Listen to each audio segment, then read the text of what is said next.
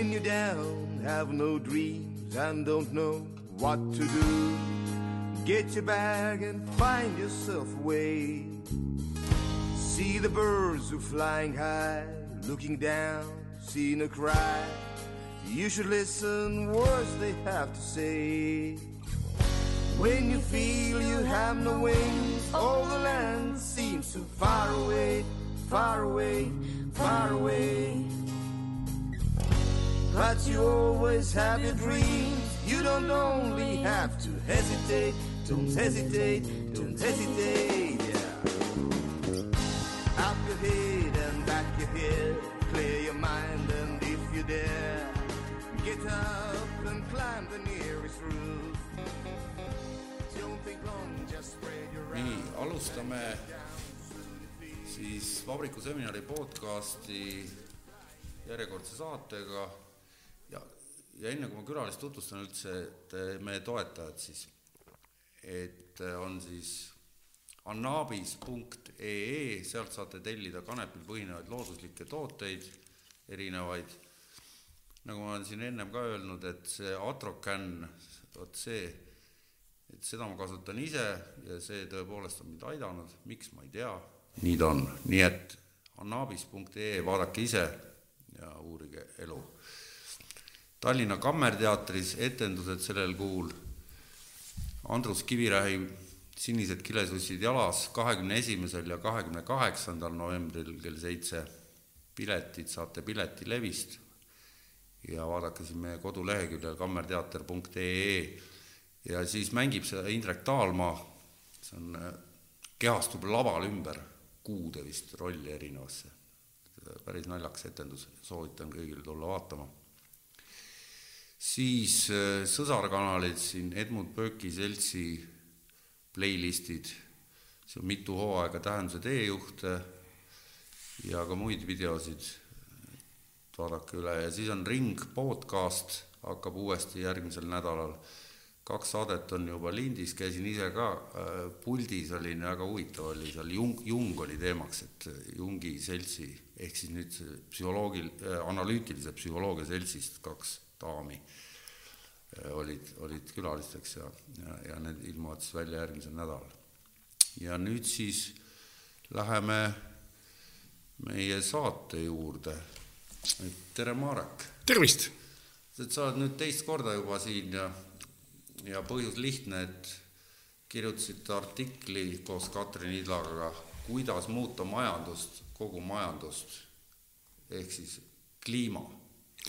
Kliima on tõepoolest selline uksest ja aknast sisse roniv probleemide ring ja noh, siin on mitu asja, mille tõttu tuleb see jutt üles rääk-, üle, üle, rääkida ja mm, valdav osa sellest on muidugi põhjustatud asjaolust, et äh, nii nagu kunagi tubakatööstuse puhul äh, tuli välja üheksakümnendate aastate lõpupoole, et äh, teades, mida tekitab tubaka suitsu sissehingamine tervisega, teades täpselt, millised on need tagajärjed, tubakatööstus ise oli seda uurinud, oli käivitatud mitmed sellised nii-öelda organiseeritud vale genereerimisprojektid, millega siis avalikkust rahustati ja öeldi, et ei, ei, et tõendeid ikka piisavalt palju ei ole ja me ei tea ja inimesed jäävad niisama ka haigeks, suitsetage edasi oota, sa palusid, et sind, kui ma küsisin, et mida ma sulle ette, nime ette sinna saate peasse kirjutan, et keemik oleks nagu, et sa ei ole kuskil keemikuna esinenud, mis on su, ma saan aru, no keemikuna ma saan esineda siis, kui me räägime keemiast. No jaa, et- selles mõttes, mis ma aga nüüd sa põhjenda siis ära muutuste arhitekt, et siin enne, kui me edasi läheme, oo jaa, muutuste arhitekt, see on nagu maailma naba, nagu ütlus kõlab, tegelikult on see nii, et kui me vaatame, mida teevad arhitektid, siis ühe või teise nõudluse peale püüavad siis osaleda reeglina erinevatel konkurssidel, võistlustel ja välja pakkuda lahendusi. ja siis keegi on, kes alati valib ühe neist välja ja kas ülejäänud mingi komisjon ei ole? alati on mingid komisjonid ja viisid ja nii edasi, no vot ma olen ka selles mõttes muutuste arhitekt, et ma käin ka välja erinevaid lahendusi, mida ma siis püüan läbi arvutada ja mis üldiselt äh, arvutuvadki ja näitavad, kuidas asjad on.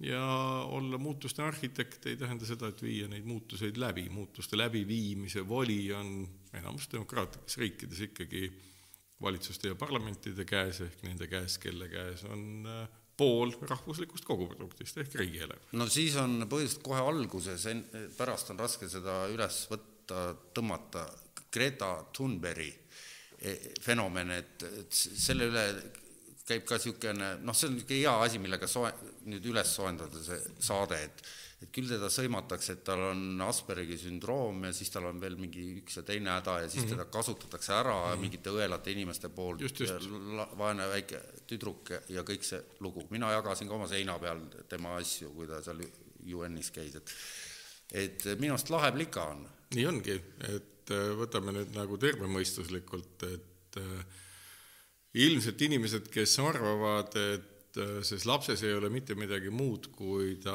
on kellegi nukuks, on ise harjunud sellise maailmaga. Äh, põhjust on ju uskuda sellesse, et inimene on pigem siiras, kui ta sellisel moel asju ette võtab. ja loomulikult, äh, kui laps ütleb midagi, siis selle mõju on väga suur ja loomulikult on miljoneid inimesi maailmas, kes ei taha, et selliseid asju välja öeldakse ja neil on väga suur põhjus, see põhjus on see, et nende tavapärane elu lihtsalt lakkaks olemast, kui osutukski, et Thunbergi kirjeldatu ja paljude teiste ka teadlaste kirjeldatu tõeks osutub. aga nüüd, kui me läheme tagasi selle sigareti triki juurest siis äh, naftatööstuse juurde või fossiilenergiatööstuse juurde, siis see on ju eksisteerinud väga pikka aega. ja loomulikult noh, väga mitmetel, kellest me täna teame, Exxon Mobil aga ka tuleb välja, et teised eh, fossiilenergia ettevõtted teadsid ja uurisid seda küsimust, et mis juhtub kliimaga, kui tõepoolest süsihappegaasi aina rohkem ja rohkem paisataks atmosfääri, sellepärast et kasvuhoonegaasi efekt on teada ju sadakond aastat või. No selle üle ei vaielda ka eriti, seda on isegi vaja, et noh, et, et kasvu, ilma selle kasvuhoonegaasita me just, elu põleks. see on, äh, aga asja sisu on tegelikult selles, et äh, toosama Exxon Mobil esimeseks aprilliks tuhat üheksasada kaheksakümmend kaks nende uurimisgrupp sai valmis siis aruande äh, mis viidi juhtkonna lauale sügiseks ja selles aruandes oli üks ennustus, mis on tänaseks teoks saanud, et umbes aasta kaks tuhat kakskümmend, kui nafta tarbimine samas mahus jätkub ja fossiilkütuste tarbimine tõuseb, süsihappegaasi tase neljasaja kahekümne ppm-ini. see oli nagu analüüs ja tänaseks on see juhtunud. ma siis teen niisuguse äh, väikse äh, nii-öelda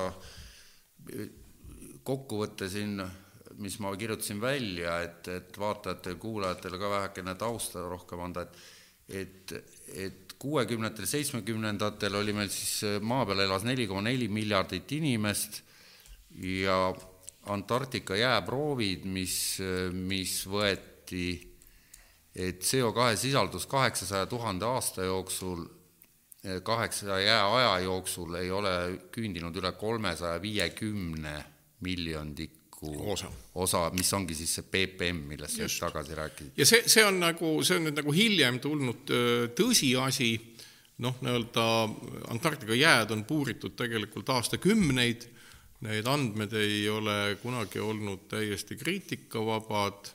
Ja mis juhtus, seesama kaheksakümne teine aasta, täpselt sel aastal, kui siis ExxonMobili juhtkond sai laua peale need andmed, siis tegelikult see uurimus salastati ja ettevõte kavandas siis suure infooperatsiooni, mis põhines kahel nii-öelda tugisambal, üks neist oli see, et hakati rääkima sellest, et kuulge, et noh, et inimene on ju nii väike, meie oleme nii pisike, võrreldes kogu muu maailmaga ja muude protsessidega looduses, et inimene ei jaksa mitte midagi looduses mõjutada, olge rahulikud. ja teine oli siis mingil hetkel juurde tulnud argumentatsioon, kus siis oli ka teada jah, et seesama süsihappegaasi tase on ju Antarktikas kõikunud ja noh, nii-öelda kuna ta maakeral oli siis enam-vähem kaheksakümnendate aastate paiku mingi kolmesaja viiekümne ppm juures või umbes nii, siis öeldi, et kuulge, olge rahulikud, et see loodus nagu reguleerib selle ise ära, kohe hakkab see allapoole minema ja me liigume siis uue jääaja poole, kus siis süsihappegaasi sisaldus on umbes sada kuuskümmend või nii ppm-i kas ma saan õieti aru, et seesama James Lovelock, kelle Gaia teooriat sa ka te seal artiklis puudutate Katriniga, et, et see toimus samal ajal, seitsmekümnendatel enam-vähem, ja et tema väide on siis see, et maakera kui ise toimiv organism, tervikorganism oma palaviku kaudu sisuliselt hävitab ära need kahjulikud bakterid, mis on siis võib-olla ka inimene. see on nüüd no jaa, ei, see on liiga nii-öelda, see, see on, vulgaarkaia. see, on vulgaarkaia, see on nagu ehe vulgaarkaia. asja olemus ikkagi on selles, et see kaia hüpotees viitab tõsiasjale, et äh, tegemist on suhtes, elus suhtes toimiva sellise mustriga, mis püüab teatud nagu stabiilsust hoida ja see, miks noh, nii-öelda ilmne asjaolu tänasel hetkel väga paljudele kuidas ma nüüd ütlen, nagu laetult maailma käsitlevatele inimestele on raskelt mõistetav, ongi ju see, et et, et maal on asi, mida me nimetame kliimaks tänu sellele, et maal on elu. elu on see, mis kõikide viidete ja väidete põhjal on tekitanud hapniku hulga, mis on võimaldanud nii-öelda äh, noh, sellist elu, nagu me oleme näinud maakeral sadu miljoneid aastaid. ja isegi pikemalt. ja nüüd ongi nagu see lugu, et et ilma eluta ei oleks kliimat, ehk et noh, nii-öelda kolmas trikk, mida naftaettevõtted väga edukalt ja põlevkiviettevõtted ja põlevkiviakadeemikud ja kõik muu selline rahvas edukalt kasutab, on see, et käsitletakse süsihappegaasi ja selle emiteerimist kui mingit elust väljapool olevat tegevust unustatakse ära selle, et miks me tekitame süsihappegaasi, me tahame ju kätte saada nendest maavaradest, mida me põletame või mis kasvab maa peal, puit näiteks, me tahame energiat saada. meie eesmärk ei ole ju teha suurt jaanilõket keset planeeti. oota, ma nüüd äh, seg-, segan korraks, et, et kui ma tutvusin erinevate kliima äh, nii-öelda skeptikute, opt-, optimistide ja muude seltskondade nii-öelda noh, nii palju, kui siin, neid on, seda materjali lihtsalt metsikult. aga ma, siis ma jõudsin niisuguse asja peale ka, et üks vend ütles, et kui kaks miljardit või kakskümmend miljardit puud istutada ja tal oli ka välja vaadatud, see isegi ei olnud väga suur pindala, mida selleks vaja oli, mis selle, milleni me hiljem jõuame, mis selle tasakaalustaks ka ära, selle hapniku, ühesõnaga. jaa, see võib nii olla. seoks ära, et, et, et see puit ei ole mitte selleks, et temast teha midagi, vaid ja. ainult ühel eesmärgil. nii on ja, ja, ja noh, me ei tea, mis on, eks ole, elu eesmärk, elu eesmärk, kui, kui sügavamalt mõelda, on elu ise, et noh, seal ei olegi mingit ja. laiemat eesmärki, aga kui me tuleme nüüd tagasi sellesama nii-öelda küsimuse juurde, et kuidas inimene siis kliimat mõjutab, siis see mõju käib niimoodi, et jah, et kui me paneksime tõepoolest keset, keset keset siis äh, planeeti lõkke põlema, kuhu me kütaksime sisse kogu kütusevaru, mis meil on, ja põletaksime selle lihtsalt ära, siis võib isegi võib-olla loota, et see süsihappegaas seotaks nagu tagasi. et noh, kui oleks nagu üks plats, mille peal me seda põletame. oota, mis loogika sellel? see on lihtsalt see, et äh, elus organismid suudavad noh, nii-öelda kohaneda ja seda süsihappegaasi tagasi siduda, aga inimene ei tee ainult seda, inimene põletab automootoris süsinikupõhist kütust ja selle autoga, selle seadmega tehakse midagi muud. küntakse põldu, püütakse kala, noh, sekkutakse tegelikult elu toimimisse tohutul määral.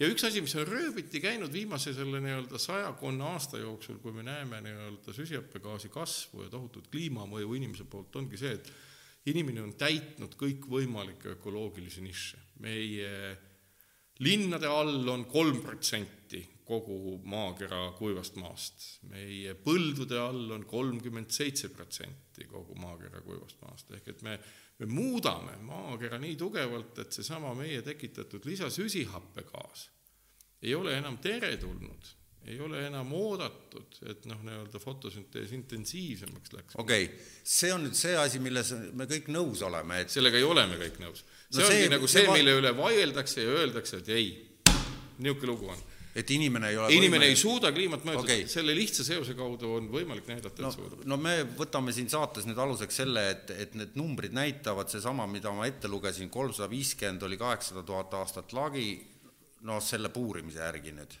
kui loodame, et need on õiged andmed on et, et siis see on nüüd tõusnud kolmekümne aastaga nelja ja poole saja peale. Neljasaja kahekümne, või seal kuskil jah, ja, ja, ja, ja tõuseb ja samal ajal hapnikusisaldus kahaneb. ja hapnikusisalduse vähenemine ongi see, mis teeb muret, see hapnikusisaldus ei vähene loomulikult niimoodi, et me tunneksime, et meil ei ole midagi hingata, aga see väheneb nii-öelda ka, on vähenenud, kui süsihappegaasisisaldus on kasvanud kuuskümmend miljondikku osa, on hapnikusisaldus vähenenud sama aasta jook-, aja jooksul viiskümmend miljondikku osa.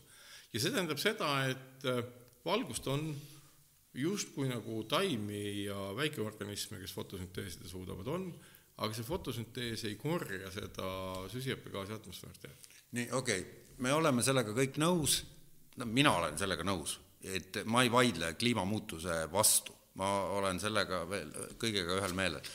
aga nüüd me jõuame sinnani, et kui ma nüüd otsisin midagi, mis oleks selline vastuargument nüüd, mi-, mi-, millega sult äh, nagu äh, ühesõnaga, mille, et ma üritasin aru saada, mille ümber see tants tegelikult käib ja, ja ma jõudsin lõpuks ainsate numbriteni, mis mul õnnestus kätte saada, olid siis, mis ma saatsin sulle ka selle artikli koos vii-, vii-, viitega seal, et ühesõnaga, me ei ole võimelised, need plaanid, mis tehakse, et kaks tuhat viiskümmend, kaks tuhat kolmkümmend, seal oli näiteks toodud kahe tuhande viiekümneseks see kaugem tähtaeg ja, ja siis laotud ette numbrid, kuidas me ei suuda asendada seda kahtteist tuhandet miljonit ekvivalenti, siis tonn, miljonit tonni nüüd seda gaasi, süsi, kivisöe ja nafta ekvivalenti aastas või päevas oli see. see on nagu selline et kaksteist tuhat miljonit tonni ja. päevas kulutame me naftat, sütt ja gaasi. no see on nüüd nagu jälle see, et, et võtame suure arvu ja ütleme inimesele, et te ju ei kujuta ette seda suurt arvu ja see on ka mõnes mõttes nagu omapärane trikk, sellepärast et ega inimkond on ju kogu selle tänase tehnoloogia ehitanud. Noh, see on ehitatud tõepoolest mingi viiekümne või saja aasta jooksul, see on toimunud oludes, kus kellelgi on olnud mm, paremad pääse, ligipääsuvõimalused nafta ja kivisöele ja selles kontekstis on see tekkinud. kui me vaatame nagu teistpidi, et noh, neid tonne nimetades kõigil läheb pea sassi, sellepärast et tavaliselt inimene ei no ühe kilo oli, kapsast ja kartulit. seal oli toodud väga nüüd... hea piltlik näide, see oli. Ja ma lugesin seda nüüd nagu jaa, aga kuulajad ei lugenud, et ma, ma siis no, ütlen, et, et ühesõnaga, seal on võetud mingid supertankerid nii-öelda lähtepunktiks kuue jalgpalliväljaku suurused, mis mahutavad kolm miljonit barrelit äh, naftat igaüks. Ja nüüd, et saada kätte see kaksteist tuhat miljonit ekvivalenttonni söe, nafta, gaasi energiat, selleks on vaja kolmkümmend tuhat sellist jalgpalliväljaku suurust tankerit panna korraga naftat täis, see on ühe päeva kulu. ja no ühe ja päeva kulu ma just otsin siin kolmkümmend tuhat tankeritäit seda küt-, kütust tuleks nüüd asendada no aastaks kaks tuhat viiskümmend. võta, võtame nagu teistpidi. ja see teeb kolm tuumajaama, äh, äh, tuleb ehitada iga päev maailmas. ja mitme aasta jooksul? Kolme, kuni kahe tuhande viiekümnendani välja, seal oli üksteist tuhat millegiga päeva on jäänud ja see teebki umbes sama palju kui miljon. noh, ja nüüd ongi nagu küsimus, et kas te kujutate ette, et kolm tuumajaama ehitatakse päevas, kas te kujutate, muidugi ma kujutan ette. Vot see, see ma räägingi nüüd nagu sellest nagu teisest poolest, no võtame siis nagu, võtame siis nagu arvud ette. Ehm, miljonit tonni naftat, okei okay,, see on, see on umbes, ehm, mis on see maakera kütusevajadus, no see lõke, mida me kütame kogu aeg, on umbes sada kuuskümmend tuhat teravatt-tundi. see on nagu siis energia hulk, mis põletatakse aastas kütustena ära maakeral. Ja see on siis mingisugune noh, ütleme, et ettekujutust saada, siis Eesti aastane kütusevajadus teravatt-tundides mõõdetult, kõik meie autokütused, põlevkivi kokku, noh, see on nagu toob mõõtme. Siia meile läheb, umbes seitsekümmend teravatt-tundi tarbib Eesti aasta jooksul energiat. Oota, toome siia kõrvale, et sinu enda artiklis oli, et viiskümmend teravatti on see maa enda äh, me räägime erinevast asjast, energia hulk ja võimsus võimsus on energia hulk kulu ajaühikus ja energia hulk on siis samamoodi, nagu me ostame energiat, elektrienergiat, kilovatt-tundides või megavatt-tundides, see on siis nii-öelda võimsus on korrutatud ajaga. nii, aga tee Ja- see, see viiskümmend eh, teravatti, mis on siis see maa tuuma See on võimsus, see on maa võimsus. mis see nüüd siis, eh, ma jõuangi kohe palju sinna. sealt välja saab? ja sellega ongi siis niimoodi, et kui me nüüd vaatame seda, et kui palju siis päevas maakera tarbib või inimesed maal tarbivad energiat, siis on umbes, noh, kui me jagame siis nelisada nelikümmend teravatt-tundi energiat päevas. ja Eestis tarbitakse aastas ära seitsekümmend teravatt-tundi kütuseid, eks ole, noh, selline nagu võrdlus. nii et noh, me oleme väga väike, et siis on nagu kujutlus käes. nüüd, kui me arvutame välja, et kui me paneme selle kütuse põlema, mida me ka teeme, põhiliselt soojusmasinates, et milline on siis selle kütuse põlemise keskmine võimsus, jagame selle teravatt-tunnid läbi aastas olevate tundide arvuga ja saame, et noh, nii-öelda maakeral toimuvate inimese tekitatud masinate koguvõimsus, noh see, mis kirjutatakse autopassi või tehnilisse passi, on sada, sada kilovatti või sada viiskümmend kilovatti või te teate, et triikraud on üks koma viis kilovatti, see on kokku kuusteist teravatti. ehk siis teravatt on kaksteist nulli, kuusteist kaheteistkümne nulliga miljon miljonit. miljon miljonit, täpselt. Kuusteist miljon miljonit või kakskümmend miljon miljonit on selle masina võimsus, mille inimkond on ehitanud ja mida me siis kasutame kõikide, kõikide asjade saamiseks. nii, ja nüüd see tuleb siis välja vahetada. ja see tuleks nagu enamjaolt kõik välja vahetada. kaheteist tuhande päevaga natuke alla. noh, kas kaheteist tuhande päevaga aastaks kaks tuhat viiskümmend, artikkel kirjutati neljandal oktoobril, nii et, et just, et me paneme, oleme, me oleme ja- ja- miinuses juba just, kuu ajaga. ja, ja, ja see vastab tõele. nüüd me küsime, et kas tõesti nii palju võib ehitada, noh, teeme teistsuguse arvutuse. Teeme teistsuguse arvutuse, ütleme, et me asendame ko- kogu selle kuusteist või, või, või kakskümmend või umbes nii palju teravatt-tundi hoopiski tuulikutega. noh, see on lihtne ette kujutada, eks ole. tuhat viissada tuulikut päevas oli seal argument. jah, kas ta on nüüd niimoodi, kohe ma vaatan et ma võtan selle Ähm, artikli, see on Getting Real About tä- Clean jaa, see võib Energy. tõele vastata, see võib tõele vastata, sellepärast et täna ma vaatan siin andmeid, pannakse maal üles äh, tegelikult viiskümmend tuulikut päevas.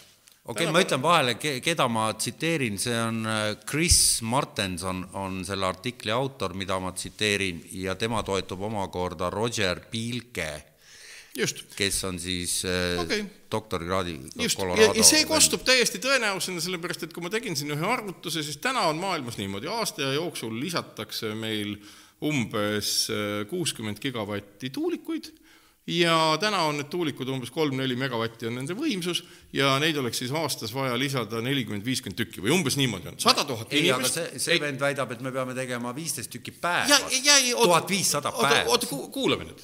tänasel hetkel pannakse üles viiskümmend tuulikut päevas nii, ja seda teeb sada tuhat inimest. umbes sada, sada kakskümmend tuhat inimest.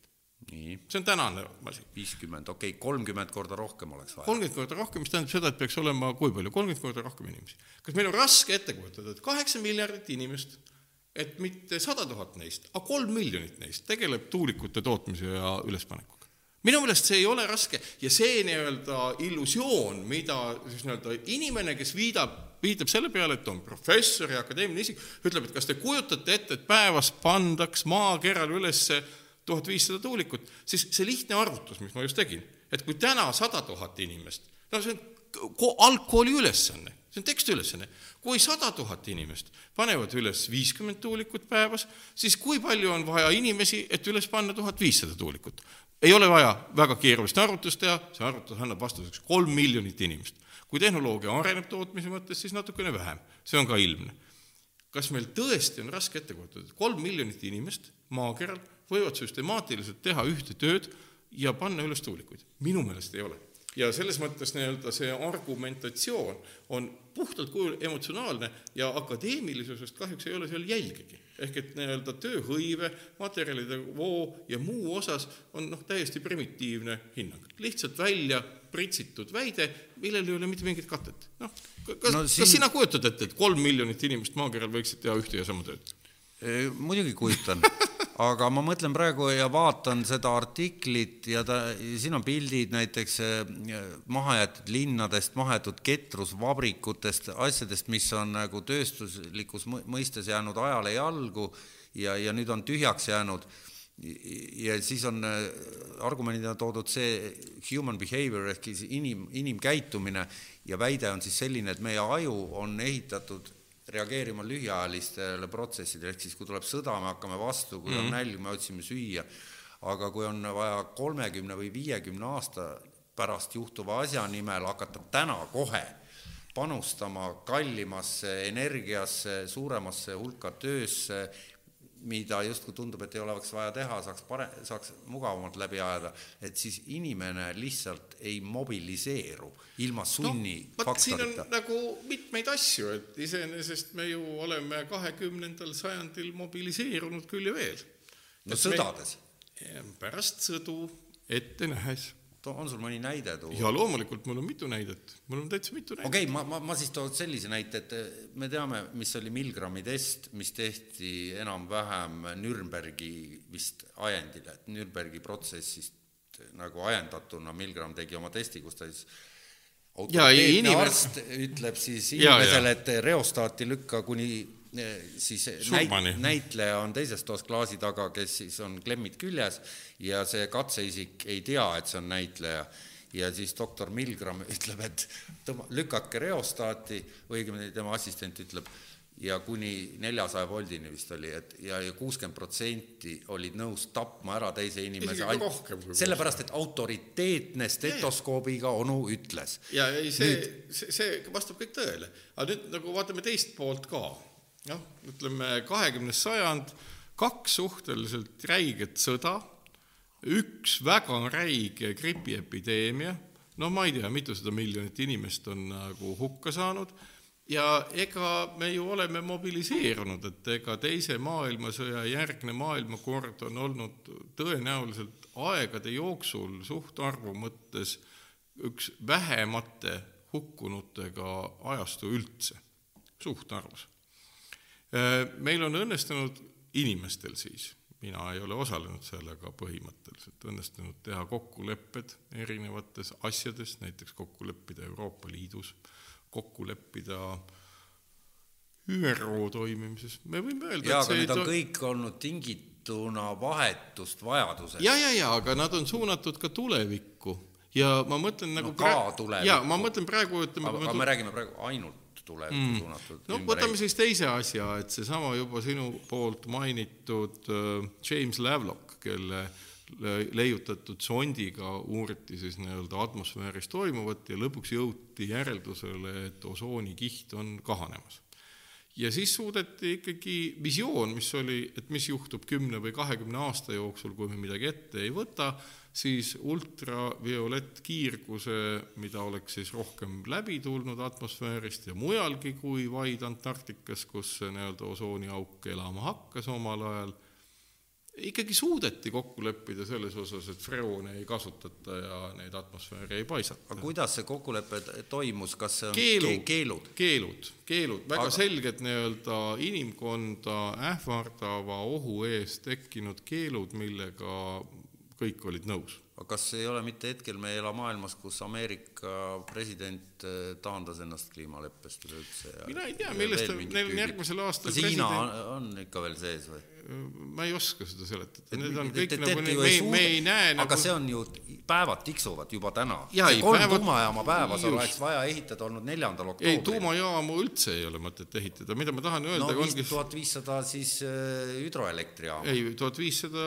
uut tuulikut on vaja päevas üles panna, samasugust nagu täna või öö, äh, suurema võimsusega oluliselt vähem ja ütlen veel kord see tähendab umbes kolme miljoni inimese igapäist hõivatust sellega ja kaheksa miljardilise inimkonna puhul on see ju noh, tegelikult null koma kolm tuhandikku, null koma neli tuhandikku, see on väga väike hulk inimesi, kes peaksid tegelema igapäiselt tuulikute ülessättimisega. Ja selles nagu avaldubki iseenesest tööstuse ja nüüdisaegse tööstuskorralduse võlu, et meil on jõukohane ehitada uued masinad, me, meil on jõukohane need üles panna.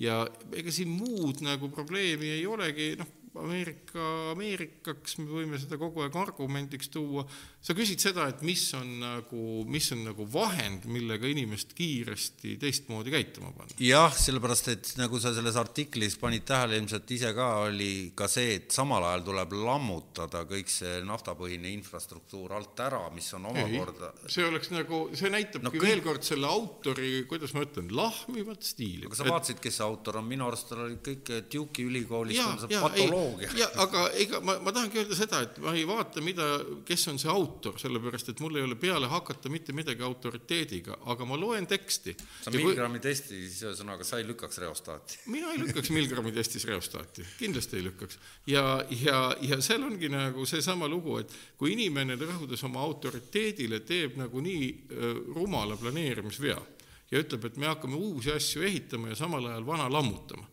noh, siis ta isegi eksib kõige lihtsama nii-öelda kaevu kaevamise põhimõtte järgi, mis Eesti vanasõnana olemas on, et vana kaevu ei tasu sülitada ennem kui uus valmis on, ehk et see nii-öelda rööbiti tehnoloogiate olemasolu ja riskivaba käimapanek on noh, elementaarne. Millest... No, seal ta ütlebki, et see on järk-järgult toimub, et aasta, noh, see, mida praegu alla kirjutatakse, osad kirjutavad, osad ei kirjuta, on see, et kas siis kaks tuhat kolmkümmend, kaks tuhat viiskümmend peab olema öö, null ütleme niimoodi, et tegelikult nii-öelda kõigile, kõigile teadmiseks siis, et seesama nii-öelda argument, et me hirmutame, et kas te kujutaksite ette, et päevas on võimalik üles panna tuhat viissada tuulegeneraatorit või isegi kolm tuhat tuulegeneraatorit, et see on ju võimatu. kuidas ta võimatu on? kolme tuhande gener-, kolme tuhande generaatori puhul päeval peaks töö, päevas ülespanekuks peaks töötama ei rohkem ega vähem kui kuus miljonit inimest ja isegi kuue miljoni inimese ühistegevust teatud eesmärgi saavutamisel on võimalik väga lihtsalt ette kujutada. kui erinevad riigid, Suurbritannia, Ameerika Ühendriigid, tööstusriigid, liitlasid teises maailmasõjas nii-öelda sõjategevusega, siis seal olid kümned miljonid inimesed, kes igapäiselt tegelesid millega, tegelesid relvastuse tootmisega, selle tõttu, et oli eesmärk. ja keegi ei imestanud, et kuulge, et see sõda on ju võimatu et äh, seal on ju nii palju püssi ja moona vaja, et kust see kõik tuleb? argumendid ongi need, et täna ju, täna ju, ju hädasti ei ole vaja, et, et, et on vaja, aga aastaks kaks tuhat viiskümmend ja see ei, on juba see, mis paneb inimesed no, mõtlema, et aga meie sureme enne ära. ja ei noh, jah. aga see on ju nii. no ta nüüd ongi nagu niimoodi, et meile on antud ikkagi kujutlusvõime ja ma siiski loodan väga, et faktid, mis järjest ilmsiks tulevad, noh näiteks ega ka siin ei ole palju räägitud sellest, aga niisugune Siberi jõgi nagu Leena, väga suur jõgi no., tõenäoliselt maailma suurim jõgi, on tänaseks kuivamas, kuivanud juba ja Kutsk, millest läbi voolab see jõgi, seal on suured jõelaevad kaldal kuival. jõe veetase on üle kolme meetri langenud ja põhjus on selles, et igikelts on sulanud. igikelts on sulanud nii sügavale, et Leena, mis on suurim jõgi, mis on igikeltsa toiteline, lihtsalt on kuivale jäänud ja, ja kui see nüüd ei ole märk, et noh, kogu aeg on öeldud, et ah, mis te jahuta seda igikeltsi on seal nii palju ja liustikud ei sula, see on nagu pöördumatu protsess. aga kui sa lähed siia kõrvale Balti jaama turule ja kõnnid ringi, moodsad inimesed seal teostavad oma sisseoste ja lähed ükskõik kelle juurde, hakkad igikeltsast jahuma, vaatab sind väga imeliku pilguga, et tema jaoks ei, ei tema on turul, tema ei ole nagu selles kontekstis, kus ta aga me oleme ju kõik see, selles kontekstis, et me peame kõik saama sellest aru võrdselt. jaa, aga see tähendabki seda, et kõigepealt tuleb vaeva näha sellega, et kogu see nii-öelda valeuudiste ja, ja eksitavate meemide hulk meie ümbrusest no, oleks nagu kõrvaldatud. noh no, no, see tähendab muuhulgas ka seda, et noh, mis ongi, et ega samamoodi, eks on Mõhupalli poolt tekitatud valed on elanud Eestis edasi, küll Endel Lippmaa, küll Anto Raukase sõnavõttudest, nad on olnud autoriteedid, nad on olnud need lipsuga ja stetoskoobiga mehed, kes on Milgrami katses öelnud, et aga mis oli nende huvi? me ei tea seda, selles mõttes, et valet edasi rääkida ei pea alati olema materiaalne huvi, see võib olla näiteks huvi, mis on seotud, et mina tean, sina ei tea et noh, mul on nagu mingi salajane teadmine, mulle on seda nagu vandeseltslaslikult edasi antud, noh näiteks nagu ma olen veendunud, et selline, selline efekt võib eksisteerida juhul, kui keegi räägib, et kuulge, et ah, ärge aga jama, et ma tean siin, et mul on andmeid selle kohta, et kohe saabub uus jääaeg.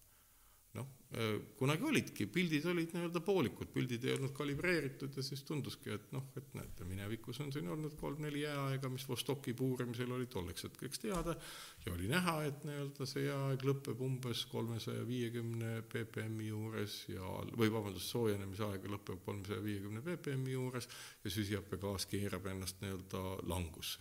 ei ole keeranud muutused on. Ja, ja selles mõttes nii-öelda see nagu vale kestis kümneid aastaid, noh, see oli nii et nagu me oleme pikalt. praegu jõudnud siis äh, selle saate nii-öelda tuumani, et tänase päeva seisuga sa võid öelda siin praegu täiesti selgelt välja seda, et me oleme noh, kaheksasaja tuhande aasta jooksul lõikes siis suure tõenäosusega esimest korda sellises olukorras, kus asi on perses no meie tõenäoliselt kaheksasada tuhat aastat tagasi planeedil ei olnud, noh, arvatakse, et mingi sada, kakssada tuhat aastat on inimest olnud, aga jah, nii see on.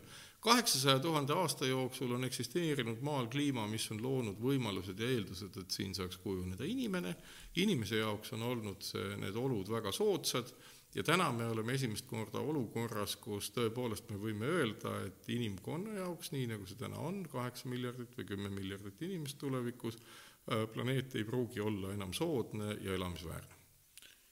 ütle siia vahele niisugust asja looduse sõbrana, planeet, võtame Kaia teooria kas või siia kõrvale, et, et vulgaarse või tegeliku? tegeliku, vahet ei ole. niisugune küsimus, kas see planeet on väärt, et selle eest surra inimesel, inimkonna, liigina? Ma ei oska seda öelda, selles mõttes, et ega noh, nii-öelda loota nüüd, et nii-öelda see tühine kliima soojenemine elumaal ära hävitab, ei maksa. hävib elu meie inimkonna jaoks. Ja inimkonna mm, noh, kuidas ma nüüd ütlen, inimkonna tähendab see mudel, et noh, et kas ma olen valmis planeedi eest surema, sellist asja ei ole, elu on liiga võimas, et ühesõnaga, et kui inimkond sureb, siis elu täidab kõik need nišid, noh, võib-olla väiksema väiksema ajupotentsiaaliga või teistsuguse ajupotentsiaaliga olenditega, me ei oska öelda. sa oled kuulnud sellist lauset, et kui pannakse, no see on võimatu valik, aga teoreetiliselt, hüpoteetiliselt pannakse valiku ette, kas ohverdada sõber või isamaa, siis see, kes selle lause ütles, mul ei tule meelde praegu hetkel, kes see oli, aga see oli hästi öeldud, et siis on vaja kohutavalt kõva julgust, et reeta isamaa nojah, et Isamaa on selles mõttes niisugune väljamõeldis, et noh, nii-öelda äh, ja äh, valiku koht on pigem selles, et kas nii-öelda äh, elada oma sõbraga kahekesi inimkonnast tühjal planeedil või või säilitada inimkond koos kõikide selle nüansside ja kultuuriga, see on valiku koht. aga vaata, siin nüüd me olemegi selle psühholoogilise dilemma ees, et inimkond on nagu aju ehitus on, on loodud mitte abstraktse planeedi kaitsmise jaoks, vaid oma pere kaitsmise jaoks. nojah, seda võib nii öelda, aga siis on meil nagu abstraktsioonide jaoks loodud terve rida muid asju me oleme loovad olendid, me mõtleme ise välja endale. no seda me siin maa. praegu istume. ja seda me istume, aga noh, õnneks on nagu ajaloo jooksul toimunud nii palju uusi väljamõeldisi, mis meid mõjutavad, noh lisaks kirjandusele, kunstile, luulele ja kõigele muule, on üks kõige olulisem leiutis, mis inimest mõjutab märkimisväärselt, mida noh, kusagil mujal nagu ei leia looduses. ja see on nimelt raha aa, nüüd me jõuame. me, me jõuame, sa küsid kogu aeg, et vasta siis sellele küsimusele ära, millised on sinu huvid, et olla sellel seisukohal, et on vaja hakata ehitama neid tuulikuid? Minul ei ole mitte mingeid muid huvisid, kui et ma pigem nii-öelda oleksin koos inimkonnaga, kui et juhusliku tuttava või sõbraga kahekesi sellel planeedil, et see on nagu ikkagi laiem küsimus. ja nüüd me jõuame sinna, et miks ma arvan, et see on niimoodi võimalik, seda küsimust ei saa nii püstitada, sellepärast et see küsimus ei koti kedagi sellisel moel, nagu sa püstitasid. noh, nii-öelda see, et tee nüüd valik, tee nüüd valik, kas inimkond või perekond ei, see küsimus kotib seda, et see on, kas on tõsiseltvõetav või ei ole, et, et kui sul on ikkagi ei, see on, see on äh, mitterelevantne, see on nagu üks nagu tüüpiline selline trikk, millega lõpetada igasugune sisuline diskussioon, on tekitada niisugune loll valik. see on üks klassikalisemaid lolli valiku näiteid, sellist valikut sellist valikut ma olen nõus, ei ilmselt ei teki. ja selles mõttes nagu abstraheeruda ja öelda, et nüüd me, nüüd me hakkame arutama lolli valiku üle ja nüüd me korraldame konverentsi Marek, lolli valiku üle. Marek, see oli kõrvalepõige aga, sellel, aga see oli hea see oli kõrvalepõige. Kõrvalepõige sellel teemal, et inimene siiski vajab motivatsiooni, mis on Just. nüüd ja praegu ja sa hakkasid rääkima rahast. ja sellepärast, et see on kõige, nojah, tegelikult ilmselt ainuke. et siit on need sõbrad ja riigid. aga aga papp- põhimõtteliselt on nii, papp on kõige olulisem Nii. ja, ja selles mõttes me ei saa sellest üle ega ümber. Me peame nagu aru saama sellest, et nii-öelda kui me kõneleme konnektoomikast ehk nii-öelda ajus olevate seoste mustrist kõikvõimalike, alates keemiliste, bioloogiliste, elektriliste kuni kultuuriliste seosteni välja, siis kultuuriliste seoste osas täna nüüdis inimest, milline või kes on elanud siis ikkagi sellises sellises avatud kaubanduse, majanduse nii-öelda ruumis, tema jaoks ta raha ja rahaga seonduv on A ja O. ja siis jäävad sinna ka mingisugused muud nagu kultuurid. nõus. Follow the money. just, et no igas mõttes, et me võime öelda, et oh kui primitiivne, see on tavaliselt nagu seotud mingi valehäbiga, noh kui inimene eitab seda tõsiasja, et see nii on, aga nii-öelda kõik valikud tehakse selles kontekstis. ja nüüd me jõuamegi sinna, et et, et mis siis maailmas päriselt toimub, et noh, mida me siis näeme, et kui me võtame, läheneme rahale sellesama, ma ütlen siis fossiilenergeetika seisukoha poolt, seesama eelpool kirjeldatud kuusteist või kakskümmend, ma ei oska välja arvutada, palju neid masinaid on, fossiilset energiat kasutav nii-öelda masinavärk, kogu, kogu, kogu ahel torkatakse näpp kusagil maasse, sealt saab naftat, gaasi või sütt või mida mm -hmm. iganes põletatakse ära, energia müüakse, noh, nii-öelda kui lugeda kokku raamatupidamuslik väärtus kõikidel nendel ettevõtetel, noh, siis on üle maailma umbes kuus triljonit dollarit. rohkem-vähem, umbes kuus triljonit dollarit. kui me hakkame nüüd vaatama ja esitame küsimuse, et kuus ähm, miljonit miljonit. kuus miljonit miljonit, kuus miljonit miljonit, kuus miljonit miljonit seda on päris palju. seda on ikka väga palju. ja kui me nüüd vaatame nagu seda, et, et milline võiks olla kõige odavam noh, nii-öelda taastamisväärtus kogu sellele kraamile, no siis me jõuame ikkagi sinna, et kogu selle infrastruktuuri taastamine võiks täna maksta ikkagi kakskümmend miljonit miljonit ehk triljonit dollarit. ehk nii-öelda taastamisväärtus on tal oluliselt kõrgem kui tema nii-öelda raamatupidamislik väärtus või varade väärtus. meid on kaheksa tuhat miljonit inimest. kas ma teen nüüd õige arvutuse? see on õige, kaheksa tuhat miljonit inimest. ja meil on vaja kakskümmend miljonit miljonit. selleks, et seda taastada.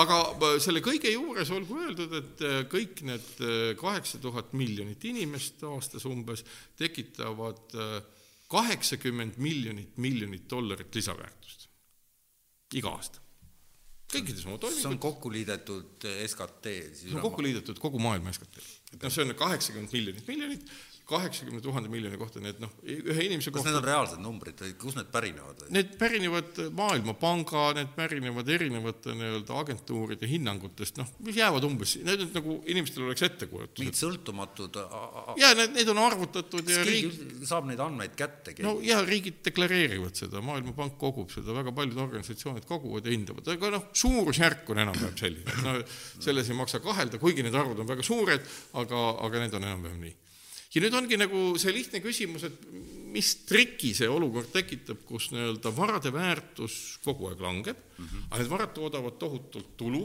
kasumit äh,, raha, eks ole mm. -hmm.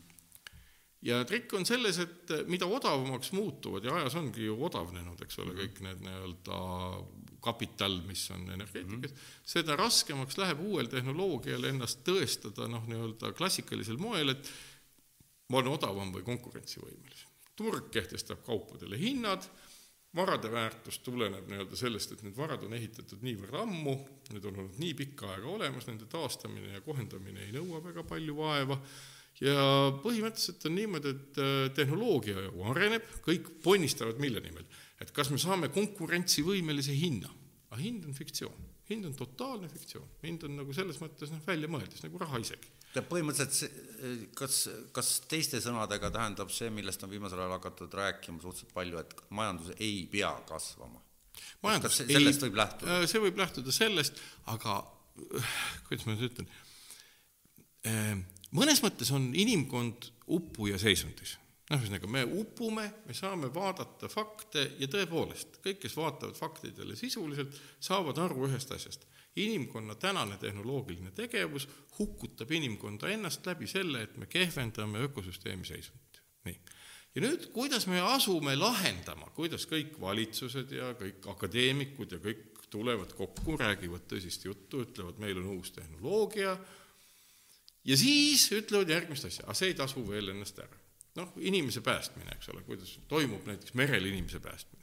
üldjuhul päästetakse inimene merel ära igal juhul, maksku, mis maksab. nii, nii., keegi ei ütle, et nii, me oleme nüüd siin, vaatame, ahaa, seal on uppujad, aga teate, meil on nüüd nagu see lugu, et nende päästmine ei tasu ennast ära no see Kuna... on nii, kui on kõrvaltvaataja, kes vaatleb hädasolijat, aga meil on antud juhul me ise olemegi hädas oli ja, ja nüüd ega kehtib sama reegel. selleks, et nagu toime tulla, peame me pa-, päästma ennast maksku, mis maksab. Maksku, mis vaata, siin me jõuamegi sinnamaani, et aga keda, keda see kotib? Äh, jah, ma saan aru, et nii-öelda see rahalummus ja see, et nii-öelda põlvkondi on inimesed sättinud rahast tehtava arvestuse ettepoole ja enamgi veel, kogu meie akadeemiline teadus, kui äh, see asub nagu leidma lahendust mingile probleemile, tuleb ühtäkki sisse tasuvus. Hakatakse ajama äri ideede kontekstis, mis võivad päästa inimkonda. aga sellele on õnneks ka olemas lahendus, ei maksa muretseda. et äh, täpselt sel moel nagu noh, ütleme, et äh, mis paneb inimest loteriid mängima? lootus, et ta võib rahas võita mingisuguse arvu, seteleid münte, numbri pangakontol või mis iganes, ja see paneb mängima teda loteriid, lootusvõit. Nüüd äh, ajaloos on tegelikult sellist asja varem tehtud, kus teatud juhtudel on noh, keelustatud mingis kohas totaalselt teatud tegevus. noh, kõige klassikalisem näide on pärast teist maailmasõda, see, mis toimus põhiliselt Saksamaal seal keelustati kõigil nendel ettevõtetel, millised olid nagu tarninud Natsi-Saksa sõjamasina jaoks komponente, nende tegevus. no klassikaline näide, mida me oleme toonud selle puhul, on Willy Messerschmitt, tuntud lennukitootja, äh, kes oli, oli, oli nats, ehitas väga häid lennukeid ja pärast teist maailmasõda temale sai osaks kaheaastane vangistus Äh, kui ta vanglast vabanes, siis talle öeldi, et sa ei tohi, Willy, enam lennukeid toota ja Willy Messerschmitt osava insenerina tootis, tootis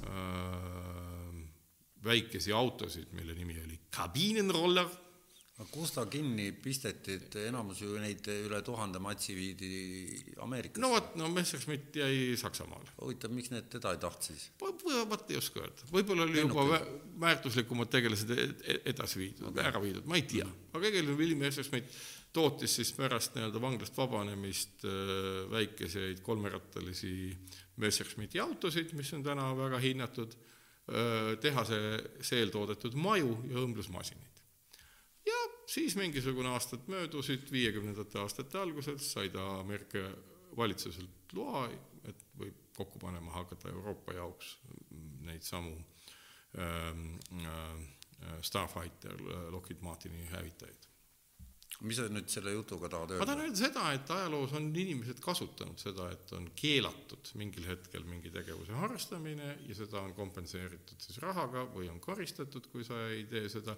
ehk et nii-öelda me oleme täna samas olukorras, kus me teame üsna kindlalt, et äh, fossiilse energeetika ja sellisel moel organiseeritud energia kasutamisele peab saabuma lõpp ja kõige lihtsam viis seda lõpetada on samal moel, nagu Euroopa Keskpank on näiteks suunatud rahaoperatsioonidega toetanud Kreeka majandust. ehk et on trükitud raha selleks, et muuta mingit tegevust, kommertspangad on selle trükitud raha toel ümber korraldanud majandust ja majandus ongi muutunud.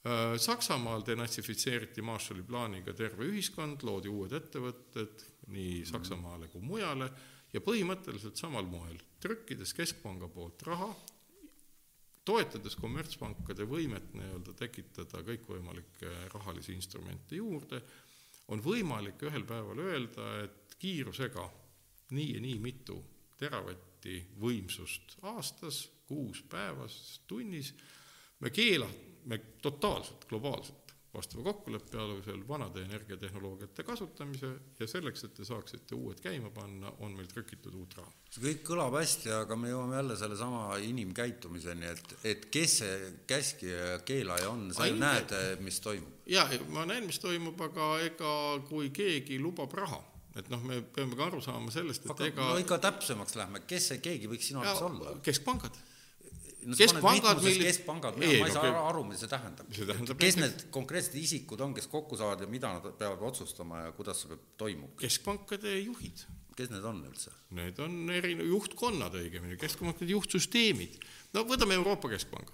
noh, Euroopa Keskpank, milline hoiab üleval eurot, saab selliseid otsuseid teha.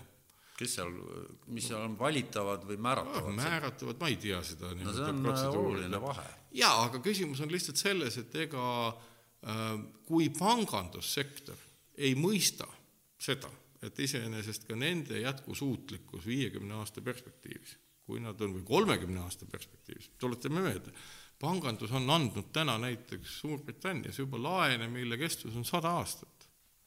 ja kui nende jaoks ei ole tõepoolest täna see küsimus, et kolmekümne aasta pärast võivad olla nii-öelda protsessid maal niivõrd tuksi keeratud, et nende jätkusuutlikkus lakkab olemas, kui pangandus sellega kaasa ei tule, siis põhimõtteliselt ei ole tõesti mitte midagi teha. siis No, võib äh, ma, ma nagu sinna ma oma mõtetega jõudsingi, et ütle mulle üks täiskasvanud inimene, kes ei mõtle niimoodi, et ma viiekümne aasta perspektiivis, aga ma olen siis juba ju surnud. raudselt ta mõtleb seda ka.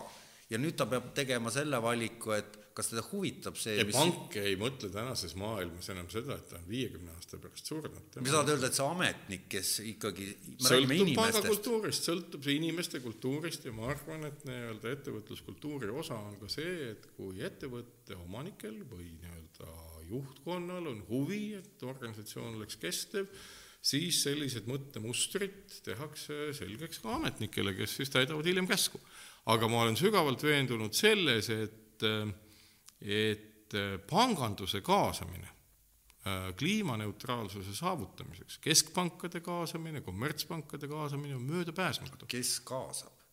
kuidas mina ja sina saame selles protsessis noh, peale selle, et me siin meie seda, saame rääkida, me saame rääkida, aga kus toimuvad täna nii-öelda kliimaläbirääkimised riikide vahel, kus on parlamendid esindatud, valitsused esindatud, keskpanku ei ole seal esindatud, kommertspanku ammugi mitte, keegi ei ole esitanud neile sellist ülesannet ja seda tehakse ÜRO egiidi all. ÜRO on see organisatsioon, kuhu on kokku kogutud ja meie asi ongi seletada, et tegelikult kui me kaasaksime sinna raha, rahaga seotud seosed, siis noh, iseenesest noh, kujutame vaid ette, mis juhtub. et ega ju tänasel hetkel ükskõik milline sõlmitav laenuleping kommertspanga poolt, noh, ta annab välja laenu, see on tegelikult ka nagu raha juurde tekitamine. no see põhimõtteliselt ongi raha juurde, täpselt. intress on. Õige, nüüd kui me nüüd kujutame ette seda, et keskpangad noh, nii-öelda rohkem või vähem kooskõlastatult, ütleme, Föderaalreservpank oma harupankadega, ma ei tea, Euroopas, mis on erafirma.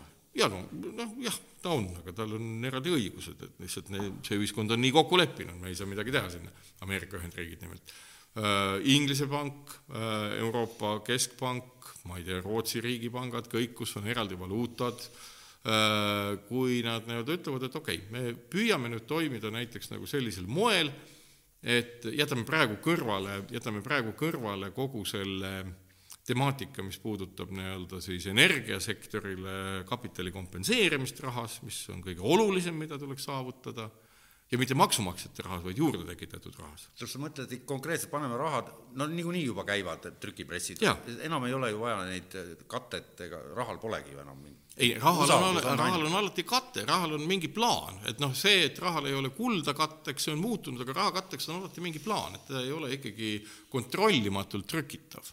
ja et noh, keegi ei saagi väga kontrollimatult trükkida, aga selle nii-öelda rahatrüki katteks on meil mis? et kui siin on meil nii-öelda vana söeelektrijaam, siis selle söeelektrijaama käibest väljaviimine ja kütuse kasutamise lõppemine, selle eest on teatud kiirusega võimalik ettevõtjal, omanikul, kasusaajal, nimetame kuidas iganes, aktsionäril, saada siis mingi hulk vara raha näol, mida uuesti investeerida. Nii et äh, ideaalis sa näed siis nii, et Euroopa Keskpank annaks näiteks äh, Ida-Virumaa põlevkivitööstusele nii-öelda küsiks, no palju see maksab et selle buldooseriga üle sõita kogu sellest asjast ja siis öeldakse neile eurooplastele mingi number ja siis sa näed, et, et siis trükitakse vana, kiljard vana, antakse seal kuttidele. no, no hästi, hästi, hästi lihtsustatult. ma üritangi hästi lihtsustatult. ja see ongi hästi lihtsustatult, tõenäoliselt ei lükata seda kohe maha, tõenäoliselt on seal omad riskid, see on kõik arvutatav. seal on hunnik inimesi, kes jäävad töötuks. aga ei, nad ei jää töötuks. vaata, siin nüüd ongi, et ei, sa, nad ju ei kohe jää. asemele lükkama. ja loomulikult, et see ongi nagu rööv rööviti toimiv protsess, söeelektrijaam läheb kasutusest välja või põlevkivielektrijaam, rahalised mehhanismid kompenseerivad seda, tekivad kommertspankade asjakohased laenud, muud väärtpaberid ja lõppkokkuvõttes nii-öelda keegi peab ju uut asja ehitama hakkama. Needsamad inimesed, kes vanas midagi toimetasid, hakkavad uut ehitama, aga üks saab selgeks, kõikide energiaettevõtete raamatupidamisest kaob mingil hetkel ära vara, mida peab kompenseerima. Ja seda peab kompenseerima rahas ja, ja, ja siis on võimalik nii-öelda teha seesama rahvusvaheline suur kokkulepe, et me renoveerime, me ehitame uuesti, me teeme nii-öelda suure plahvatusliku tööstusrevolutsiooni uute tehnoloogiate loomiseks. selleks, et seda kokkulepet saavutada, kulub tõenäoliselt veel aastaid kui täna me räägime praegu sellest psühholoogia viiest faasist, mis on eitusest kuni omaksvõtuni, et me, seal on need igasugused depressioonid seal vahel arvan, et seal nagu naeruvääristamised mis, mis ja... nagu personaalselt kulgema hakkab, seda ma ei oska öelda aga rahvusvahelise kokkuleppe mõttes kulub sinna aastaid, see on umbes samasugune lugu nagu kolmekümneaastane sõda lõppes Westfali rahuga, mille üle arutati ju ka aastaid. jaa, aga meil on lihtsalt see äh, andmed, mis ütlevad meile, et, et, et see, ma jällegi räägin sellest neljandal oktoobril tüüp tegi arvutused, et sellel kuupäeva seisuga oleks olnud need kolm tuuma no jaa, aga noh, ütleme päevas, et, et, et, et aga me oleme juba mingisugune siis ütleme äh, üle saja tuumajaamaga, ma tuletan meelde, et maailmas on, planeedil on praegu umbes nelisada tuumajaama, et me oleme juba sellest artikli ja, kirjutamisest nagu oleme juba sajaga see on sel juhul, kui noh, ühesõnaga tuumajaam, veel kord rõhutan, olemasoleva tehnoloogiaga tuumajaamade ehitamine ei päästa meid, sellepärast et jäätmete ja riskide probleem kasvab üle pea. selle tõttu tuleb kasutada lihtsaid tehnoloogiaid, milleks on täna tuulegeneraatorid ja päikesepaneelid, neid tuleb ehitada. Need on lihtsad, nendest saab ühesõnaga meie tuumajaam on päike meie tegelikult tuumajaam. meie tuumajaam on päike, meie termotuuma, aga nüüd ma tahtsin jõuda, mul oli ennem pooleli see jutt, kus ma ütlesin, et mis, mis saab nii-öelda, kui me jätame nagu arutluse alt selle rahatrüki välja, et milline on tegelikult kommertspankade võime muuta elu. kui keskpangad ütlevad ja valitsused ütlevad ja parlamendid ütlevad, et me tahame seda teha. praegu me arutame selle üle, et noh, mingi pank on kusagil raha pesnud ja noh, mhm. jäle ja mis iganes mm. et noh, see on nagu üks osa niisugusest majanduse pahupoolest. aga me võiks arutada näiteks selle üle, et kui ühtäkki tekibki, noh, täna on meil nagu see küsimus, et kas sulle antakse laenu või ei anta laenu sinu plaanide teostamiseks, noh, seal on mingid kummalised kriteeriumid, noh, püütakse nagu võimalikult vähe laenu anda või mis iganes, sõltub majanduslikku olukorrast. nüüd, kui keskpangad ütleksid ja valitsused ja parlamendid toetaksid seda, et äh, laenuriskid on maandatud kui näiteks noh, sa oled laenu võtma, et ma uut kodu osta või ehitada ja siis küsitakse, et nii, Toomas, et kas sul on katusel päikesepaneelid, sa ütled, mis kuradi päikesepaneelid, ma tahan tavalist eterniitkatust, pannakse miinus sinna. siis küsitakse, et milline on sinu kodu nii-öelda soojapidavus, küsitakse näiteks kas või seda, et aga millise, mitu autokohta sul kodus olema peab, ütled kaks siis öeldakse, et vabandage, et me teile laenu ei anna, sellepärast et te olete üldiselt väga keskkonnavaenuliku käitumisega nagu inimene, meie anname laenu nendele, kes ehitavad katusele päikesepaneelid, teevad sinna majja endal mingid salvestusseadmed, autokohtade asemel on need jalgrattad või mingid mopeedid ja, ja lahendatakse see asi muud moel. kuule, see kõlab nagu Hiina sotsiaalne indeks, ainult pea peale pööratud vastupidise eesmärkidega. Äh, ma ei tea, mis asi on Hiina sotsiaalne no see, mis näotuvastusprogrammiga tuvastab sinu tegevust ja, ja siis neil on kümne palli süsteem ja siis vastavalt sellele antakse laenu, kortereid, asju, et sa ei ole, et, et sa, näiteks mingi ajakirjanik, kes seal kirjutas kriitilisi artikleid partei kohta, see ei saa ja no ütleme, põhimõtteliselt ju praegu toimub sama asi, Et et, pangad annavad laenu hoopis teistel kriteeriumitel, aga nad muudavad selle kaudu majandust. Ja, ja, ja, ja siin on täpselt sama lugu, et, et majandus muutub selle peale, aga loomulikult see majanduse muutumine, kui me hakkame tegelema nii-öelda ko- ko- kodulaenudega, on täiesti marginaalne võrreldes sellega, kui me tegeleme seal, tegeleksime selle baasasja endaga. ehk et energia muundamissüsteemiga endaga. ja energia muundamissüsteemiga tegelemine tähendab seda, et, et need muutused, mida me siin kirjeldame, et noh, küsimus on selles, et kas need, kas meil on võimalik kolmekümne aasta jooksul iga päev ehitada tuhat viissada tuulegeneraatorit ja need paika panna. ma arvan, et küsimus on palju karmim. kas kümne aastaga on meil võimalus igapäiselt ehitada neli pool tuhat tuulikut igapäiselt, haarata sinna kümme miljonit inimest sellest kaheksast miljardist, kes maakeral elavad, ja muuta kogu see asi ära kümne aastaga, mitte kolmekümne aastaga. ja ma arvan, et tänasel hetkel on ka see täiesti realistlik. aga Marek, aga see, mis sa nüüd ütlesid, mitu, mitu miljonit, mida tul- tuleb ehitada, kui ruttu, et, et, et kui palju kulub sinna fossiilseid kütuseid, panna neid tuulikuid toota? jaa, aga küsimus ongi nagu selles, et mingil hetkel iga järgmise tuuliku ehitamiseks vajaminev energia toodetakse juba nendest tuulikutest endast. kas keegi on läbi arvutanud, et millal see juhtub, sest see juhtub üsna kiiresti. sest et, et see artikkel, mida ma sulle saatsin, seal on võetud nii, et aluseks, et taustsüsteem ei muutu selle aastani kaks tuhat viiskümmend, et kõik on nagu justkui see, mis täna on, nüüd selliste ja no vahendite sellist, selli-, sellist muutust ju on täpselt sama jabur ette kujutada, et me siis kahe tuhande viiekümnenda aastani hoiame töös kõiki muid asju, ehitame rööbiti uusi tehnoloogiaid ja siis kaks tuhat viiskümmend käivitame need kõik. no see on nagu selles osas, ma lugesin seda teksti ja see ongi nagu natukene naiivne, see on, on näha, et kirjutab inimene, kellel puudub nii-öelda igasugune kogemus tööstuse ülesehitamisest. siin on ja. kaks inimest, ük, ühte tsiteeritakse ja üks kirjutab, mõlemad on teadlased. nojah, aga seda me juba arutasime, et seda on juba juhtunud varemgi, et eh, teadlased on omadega natukene ummikusse läinud, kuna nende ettekujutusvõime ei ole ka noh, ütleme lõpmatult hea. aga mida ma tahangi öelda, on see, et mingil hetkel täpselt samamoodi näiteks, et miks näiteks Elon Musk ehitab endale autotehaseid või akutehaseid, mille katused ja ümbrus on kaetud päikesepaneelidega, selle tõttu, et saada alla seesama fossiilenergia kulu ühe või teise seadme valmistamiseks. ja põhimõtteliselt ega ju masinad, mis muundavad energiat, mingil hetkel on suutelised seda muundama ka nendesamade masinate ehitamiseks, mida rohkem on äh, nii-öelda energia muundamismasinaid, seda rohkem taastuvaid puhta allika peal toetavaid, seda puhtamaks muutub ka iga järgmine nii-öelda tuulik, et noh, loogiline on ju see, et kui me võtame põlevkivijaamad kasutusest välja, söejaamad, naftajaamad, mis iganes kasutusest välja ja hakkame tootma energiat tuulest, päikesest, siis iga järgmine sellesama tehnoloogia esindaja on ju toodetud väiksema jalajäljega ja lõpuks see jalajälg on nullis. Marek, aga siis niisugune noh, talupoja küsimus, et, et see, mis sa räägid, kõlab hästi loogiliselt. Need inimesi on maailmas veel, kes neid samu asju teavad, mida sina räägid.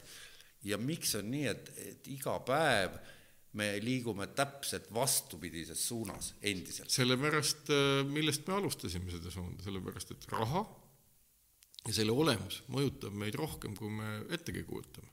ehk et Inimkäitumine. inimkäitumine ja just nimelt rahale orienteeritud inimkäitumine keskendub niivõrd konkreetse kasumi jätkusuutlikkuse saavutamiseks, et sellest süsteemist enesest kõikvõimalike trikkidega, mida on välja mõeldud, noh, on välja mõeldud kõikvõimalikke kvoodisüsteeme ja süsihappegaasi maksusüsteeme ja, ja Mis mõned riigid, nad jõuavad teatud piirini ja siis need süsteemid ammenduvad. Kas nad äh, lõpevad mingisuguses rohepesus, mis see on?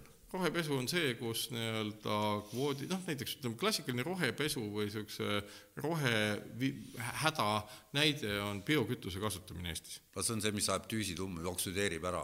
no ükspuha, aga nii-öelda selleks, et toota biokütust, mis võib-olla viiskümmend aastat tagasi taastuvkütusena oludes, kus inimesi oli vähem, autosid oli vähem, oleks isegi midagi tähendanud, enam ta ei tähenda kus nii-öelda enamus biokütusest toodetakse või kütuselisanditest diiselkütusele toodetakse selle tõttu, et äh, tapetakse orangutane ja vihmametsa raadatakse ja istutatakse sinna õlipalme ja see on nagu nonsenss, noh selles mõttes, et sellel ei ole taastuvusega mingit pistmist. ja järelikult nii-öelda see plaan, mis on vastu võetud, on jõudnud ummikusse oma loogilises ülesehituses ja ei toimi enam. no Selle... aga see plaan oli nüüd viimane plaan, mis vastu võeti et, et nüüd ja, ja ma tahangi öelda et seda, et ei kipu midagi muud vastu võtma. aga muu on ju väga lihtne, et kui me teeme lihtsa arvutuse, mida on alati hea teha, ma tänan, ja noh, vaatame, et üks hektar rapsipõldu äh, võimaldab üleval vedada ühe diiselmootoriga auto aastas. nii. nii. no äh, üks hektar palmi istandust võimaldab üleval pidada viis autot aastas biokütusega, puhta biokütusega. ja nüüd, kui me võtame ühe hektari päikesepaneele, laseme tal toota elektrit, suuname selle elektri elektrolüüserisse, kus me lahu, lahutame vee vesinikuks ja hapnikuks ja võtame kasutusse kütuseelementidel autod, mis kasutavad seda vesinikku, siis võimaldab üks hektar päikesepaneele üleval pidada sada kolmkümmend viis sõidukit, vesinikusõidukit aastas. Noh, see on nagu tegelikult tehnoloogiate erinevus, mille tõttu me peaksime unustama ära absoluutselt kõikvõimalikud toimingud, kus inimkond sekkub loodusliku ökosüsteemi käitumisse. no miks autotootjad ehitavad elektriautosid, mitte vesinikuautosid? Nad ehitavad ka vesinikuautosid, tänasel hetkel on Saksamaal sadakond vesinikutanklat ja tänasel hetkel on minu teada ka laiali jagatud riigi esindajatele kuus või kümme tuhat vesinikuautot ja see on väga tõsine muutus, mis toimub täna. no Iga... just BMW tuli välja uue elektrimudeliga, mis on ka vist hübriid. jaa, aga ega räägitaksegi uutest hübriididest, mis on vesiniku ja patarei aku hübriid. räägitakse. Need on olemas, näidised on olemas. aga meil see neljas oktoober oli kuu aega tagasi, et see kolm tuumajaama päevas koguneb. et, et, et see muutub iga päevaga, see, see, kell, see on see... niivõrd irreaalne ei, minu pea, ma ei kujuta ette, millal see hetk tuleb, kui öeldakse, et kuulge mehed, nüüd on kõik, nüüd hakkame reaalselt tegema. Vaata, mis juhtus, juhtus see no., et, et pikka aega need nii-öelda, mm, kuidas ma nüüd viisakalt väljendun, seksuaalselt, seksuaalselt frustreeritud inimesed Eesti Vabariigi valitsuses, kellel kogu aeg on probleem, mingisugused hirmud ja asjad, et eh, need nagu on kogu aeg rääkinud, et ei, valitsus ei peaks nagu tegelema üldse sellega. ühtäkki nagu üleöö öö, otsustati, et nüüd me ikkagi peame mingisuguse kliimainitsiatiivi võtma, kuna noh, kõik koputasid peaministrile õlale ja ütlesid, et kuule, et noh, see ei sobi, et noh, et nagu me oleme nagu kõigest siin juba aru saanud, et mis teil seal toimub ja siis peaminister ütles, et ma vist ikka ka liitun selle sama asjaga, et ma saan ka sellest lõpuks aru. ja nüüd on nagu tegelikult väga lühikese aja jooksul toimunud nagu väga suured muutused. Äh,, retoorika on muutunud nagu sada kaheksakümmend kraadi, täiesti teise suunda. on või? on, on, on, on. see, et teod järgi ei tule, see on iseküsimus, aga inimesed räägivad teistmoodi. tänasel hetkel äh, on väga vähe neid järgi jäänud, ka neid akadeemilisi isikuid, kes julgevad välja tulla ja öelda, et kliimamuutus on täielik bluff, et see on mingi roheline vandenõu tegelikult osutus vandenõuks hoopiski see, millise trikiga kaitsti fossiilenergeetika jätkumist, kuna see on vandenõu.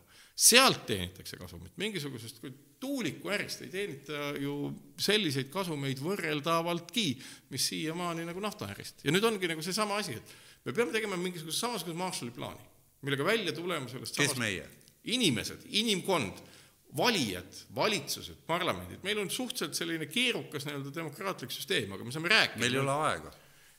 no ega meil aega juurde ei tule, aga no, see see probleem ongi. aga, aga vähemalt me saame täna rääkida, me täna räägime siin.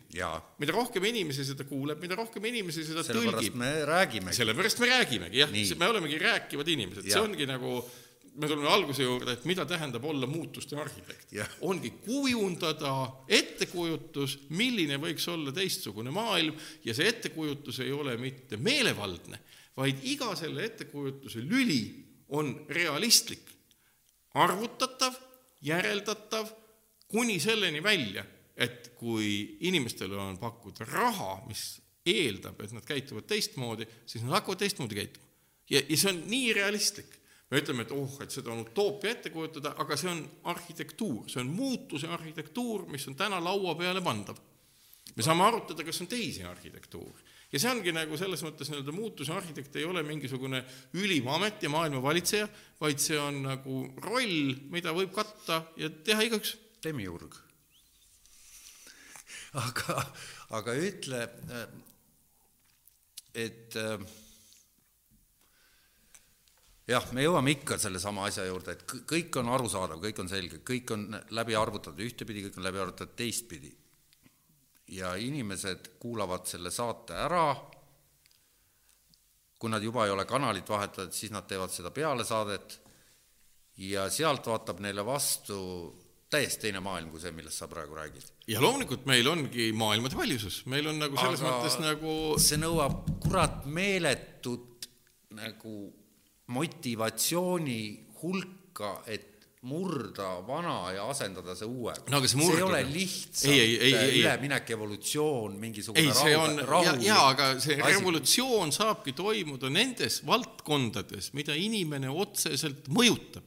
milline on see kultuuri osa, mida inimene vahetult mõjutab? uskuge või mitte, me jõuame sama teema juurde, see on raha. tuhat üheksasada üheksakümmend kaks, suvi, rublad, kaupa pole, keegi ei saa aru, mis toimub. üks päev toimub rahareform inimeste rublad asendatakse kroonidega, neid on vähe, tekivad hinnad, nüüd läheb tõesti huvitavaks. nii, möödub nädal või kuu, ma ei mäleta täpselt, mis see oli, meil on uus põhiseadus, mööduvad üksikud aastad, muutuvad kõik raamatupidamisseadused, majandused, äriseadused, kõik asjad muutuvad.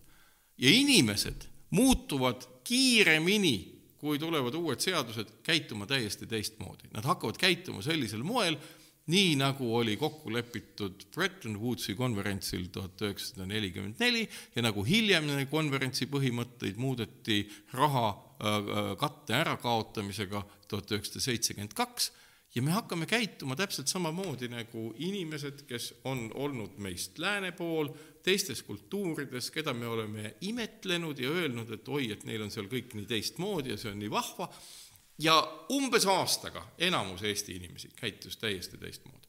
ehk see jutt, see programm, need põhimõtted, mida inimesed vabatahtlikult ise, me ju kirjutasime, eks ole, võtsime vastu need seadused, meie esindajad võtsid, parlament, valitsus, Eesti Pank, see muutis inimesi, see muutis kõike ühe koma kolme miljonit inimest, kes siin elavad ja täpselt samamoodi muutuvad kõik kaheksa miljardit inimest hoopis teistsugusteks, kui me lepime kokku, et me muudame oma põhikoodi, kultuurilist põhikoodi, mis ei ole kirjandus, mis ei ole matemaatika, mis ei ole teadus, mis on kahjuks raha. jah, aga DNA koodi kõrval juhib inimest nii-öelda see põhimõtete hulk, mis on kirjutatud rahasse.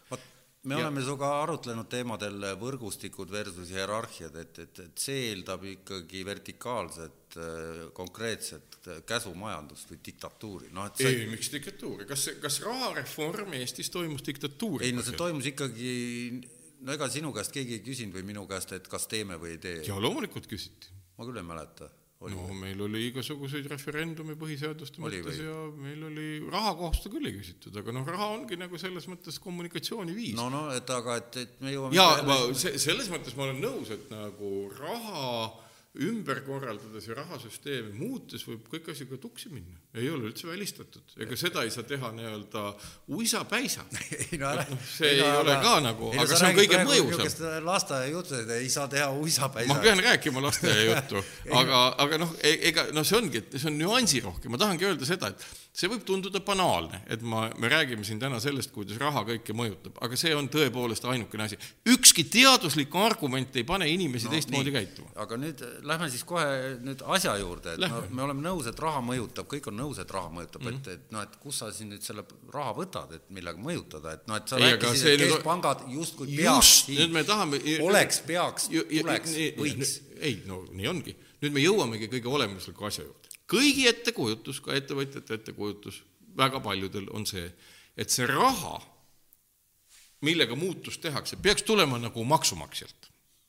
see on nagu see, et ma ise tulin endale peale, nagu oli see naljakas lugu selles hukkunud alpinisti hotellis või tegelikult veel varemgi ettekujutus, et maksude kõikvõimalike litsentside, kvootide ja muu asjaga on võimalik majandust kardinaalselt ümber korraldada, on natuke nagu samasugune nagu parun von Münchhauseni lugu, et olin soos koos hobusega ja tõstsin ennast patsipidi välja.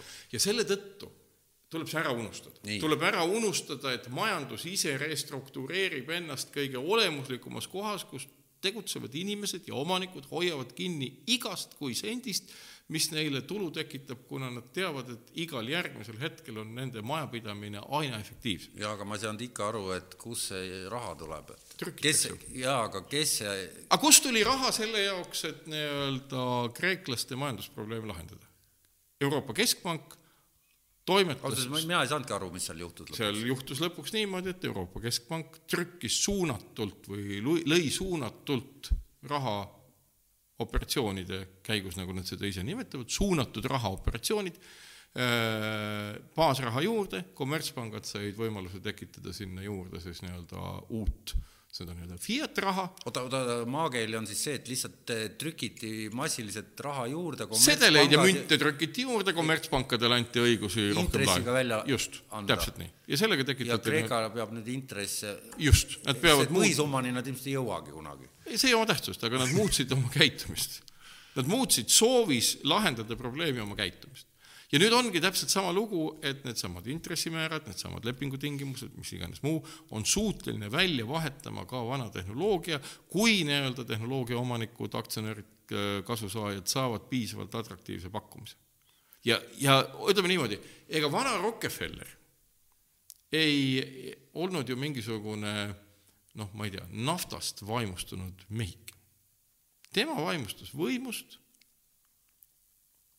ja kontrollist ja rahast. ja vahend oli nafta. Neid oli viis venda. Neid oli seal palju, aga nad kõik olid enam-vähem. rindele kulda, palkasid eh, sõduritel, ma tean, et nad, see oli üks viis, kuidas nad raha just. aga nüüd me oleme situatsioonis, kus põhimõtteliselt on sama lugu, et tegelikult inimesed, kes on harjunud nautima võimu, tahavad seda ka edaspidi teha. et see on võim olla miljardär, olla rikas, juhtida protsesse, noh, see on sama asi nagu kirjaniku vaimustus kirjutada või kunstniku vaimustus maalida, see ei erine oluliselt. ja nüüd ongi lihtsalt küsimus selles, et, et, et, et ma tahtsin jõuda sinna ka ennem, mille saab ära rääkida praegu, et milles see kliimasõda, mis, mis algas, ütleme, selle ExxonMobili valega, noh, ütleme, võime öelda, et kliimasõda on maakeral kestnud tuhande üheksasaja kaheksakümne teisest aastast, eks ole, varsti juba mingi kolmkümmend mitu aastat. mis enne seda oli? ennem seda ei olnud sellist konflikti. infot ei olnud? ei jaa ja see kliimasõda on ideoloogiline. ja see ideoloogia on nagu kahtepidine. üks pool ütleb, et, et äh, inimene ei mõjuta mitte midagi, mingit kliima soojenemist ei ole, inimene seda ei põhjusta, me ei saa mitte midagi teha. ja teine pool on hoopis teises kohas ja ütleb, et ei, et meil on kehv olla, meil on tõendusmaterjale selle kohta, et meil on kehv olla ja selle kehva olemise põhjuseks on kapitalism. see, et me peame arvet see, et me eeldame, et panustus tekitab kasvikut. ja mõlemad eksivad. ühed valetavad, teised eksivad. ja, ja see ongi nagu, miks see sõda on ideoloogiline. sellepärast, et need suunad ei lepi kunagi omavahel kokku. me peame kapitali oota, sa ütlesid praegu väga iseloomuliku asja, ei lepi kunagi omavahel need, kokku. need pooled ei lepi kunagi kokku, seda tuleb teha välise jõuga ja väline jõud ongi nii-öelda terve mõistus, mis loodetavalt võib eksisteerida riikidevahelises asjaajamises natuke kannab seda tervet mõistust tõenäoliselt ÜRO, võib-olla veel keegi, aga see on koht, mida nagu mõista ja aru saada. julgeoleku seisukohalt siis noh, ega sa ei väida, et rahvusriikide aeg läbi on? et kui me ju, ra, räägime julgeolekust ma..., siis see põlevkivi, ütleme, see jutt käib alati sellel foonil, et, et noh, see on meie rahvuskivi. no midagi sarnast, jah. ma ei julge väita, et rahvusriikide aeg on läbi aga ma julgen väita ühte, et mida suuremas ulatuses inimesed suudavad omavahel kokkuleppeid teha, seda rahulikum on maailm. mida rohkem inimesi on kaasatud mõistlikesse kokkulepetesse, seda rahulikum on maailm. kui rahvusriigiks olemine tähendab konfliktset situatsiooni teistega, siis on see halb. ei, ma, ma ei taha isegi mitte sellele pinnale üldse minna, see on väga libe jää, aga et et ma pean silmas konkreetselt julgeolekut selles mõttes, et kui trükime eurosid, siis see on Euroopa Keskpank, Euroopa raha, euro, et, et noh, meie oleme ikkagi noh, me siis ei, millega meie taga, noh ei, meie tagame tegevusega, selles mõttes ega kreeklastele ju ka kõikide nende rahaoperatsioonide käigus ju öeldi väga selged instruktsioonid, mida te peate tegema ja sama lugu on nii-öelda tööstuse ümbermuutmisega, energiatööstuse ümbermuutmisega, see sisaldab endas väga konkreetseid in instruktsioone. milline on energiavoog, mida me saame pidada puhtaks, milline on energiakasutus, mida me saame pidada ökosüsteemi mittehäirivaks. oota, niisugune väike nüanss siia vahele, et, et me räägime siin väga suurest hulgast tuulikutest ja nii edasi, meil oli siin mingil ajal, aeg tagasi oli kõva probleem, et pandi püsti kaks tuulikut, mis justkui segasid äh, mingit sõjaväe radari. no see oli bluff see oli riigi poolt aetav ja see jutt käis ainult kahe tuuliku ümber ja, juba ja, riigi aga, tasemel nii suur ja no jama. see, see, me võime aru saada, et äh, see ei vastanud ju tegelikkusele, see oli lihtsalt täielik jama, sellepärast et kui vaadata, millised radarid me oleme ostnud, siis me oleme ostnud tuulikute suhtes neutraalsed radarid, mis, mida tuulikud ei häiri. Oota, kumba pidi või miks see bluff oli, ma, ma ei tea. ma ei tea, miks see bluff oli, see oli lihtsalt mis seal toimus, millega see lõppes üldse? see lõppes niimoodi, et kohus andis sõnajalgadele õiguse et ei, ja see, miks ma seda räägin, et sul oli ainult kaks tuulikut et.... ja, ja aga ma tahangi öelda seda, et see tähendabki täiesti uusi kokkuleppeid, see tähendab täiesti uut mõtlemist, see tähendab väga paljut, see tähendab muutust. raha trükkimine käivitab muutuste ajastu. me oleme olukorras, kus me noh, kõige lihtsam on öelda seda, et et kuidas raha... sa mõtlemist muudad mõtlemist või? ei noh, ütleme niimoodi, et, et, ähm, et ähm, võtame ajupesu ei, mis ajupesu, siin pole mingit aju. Viru ärikas ja miilits mm. -hmm. konfliktsed isikud. kehtiv õigussüsteem, kehtiv rahasüsteem aastal tuhat üheksasada kaheksakümmend kodeeris miilitsa võitlema Viru ärikaga, kes ei olnud mitte midagi muud kui ettevõtja. nii, õigussüsteem valvas ettevõtluse järel sellisel moel kogu Nõukogude Liidus, et ettevõtlust ei tekiks. kuna kõik said aru, et nii-öelda kapitalistliku arvepidamise käivitamine kukutab kogu riigi kokku. nii. toimus muutus tuhat üheksasada üheksakümmend üks, tuhat üheksasada üheksakümmend kaks, samad isikud pidasid seda, mis veel oli kümmekond aastat enne seda sündmust, täiesti tabu, täiesti normaalseks igapäevaseks toiminguks.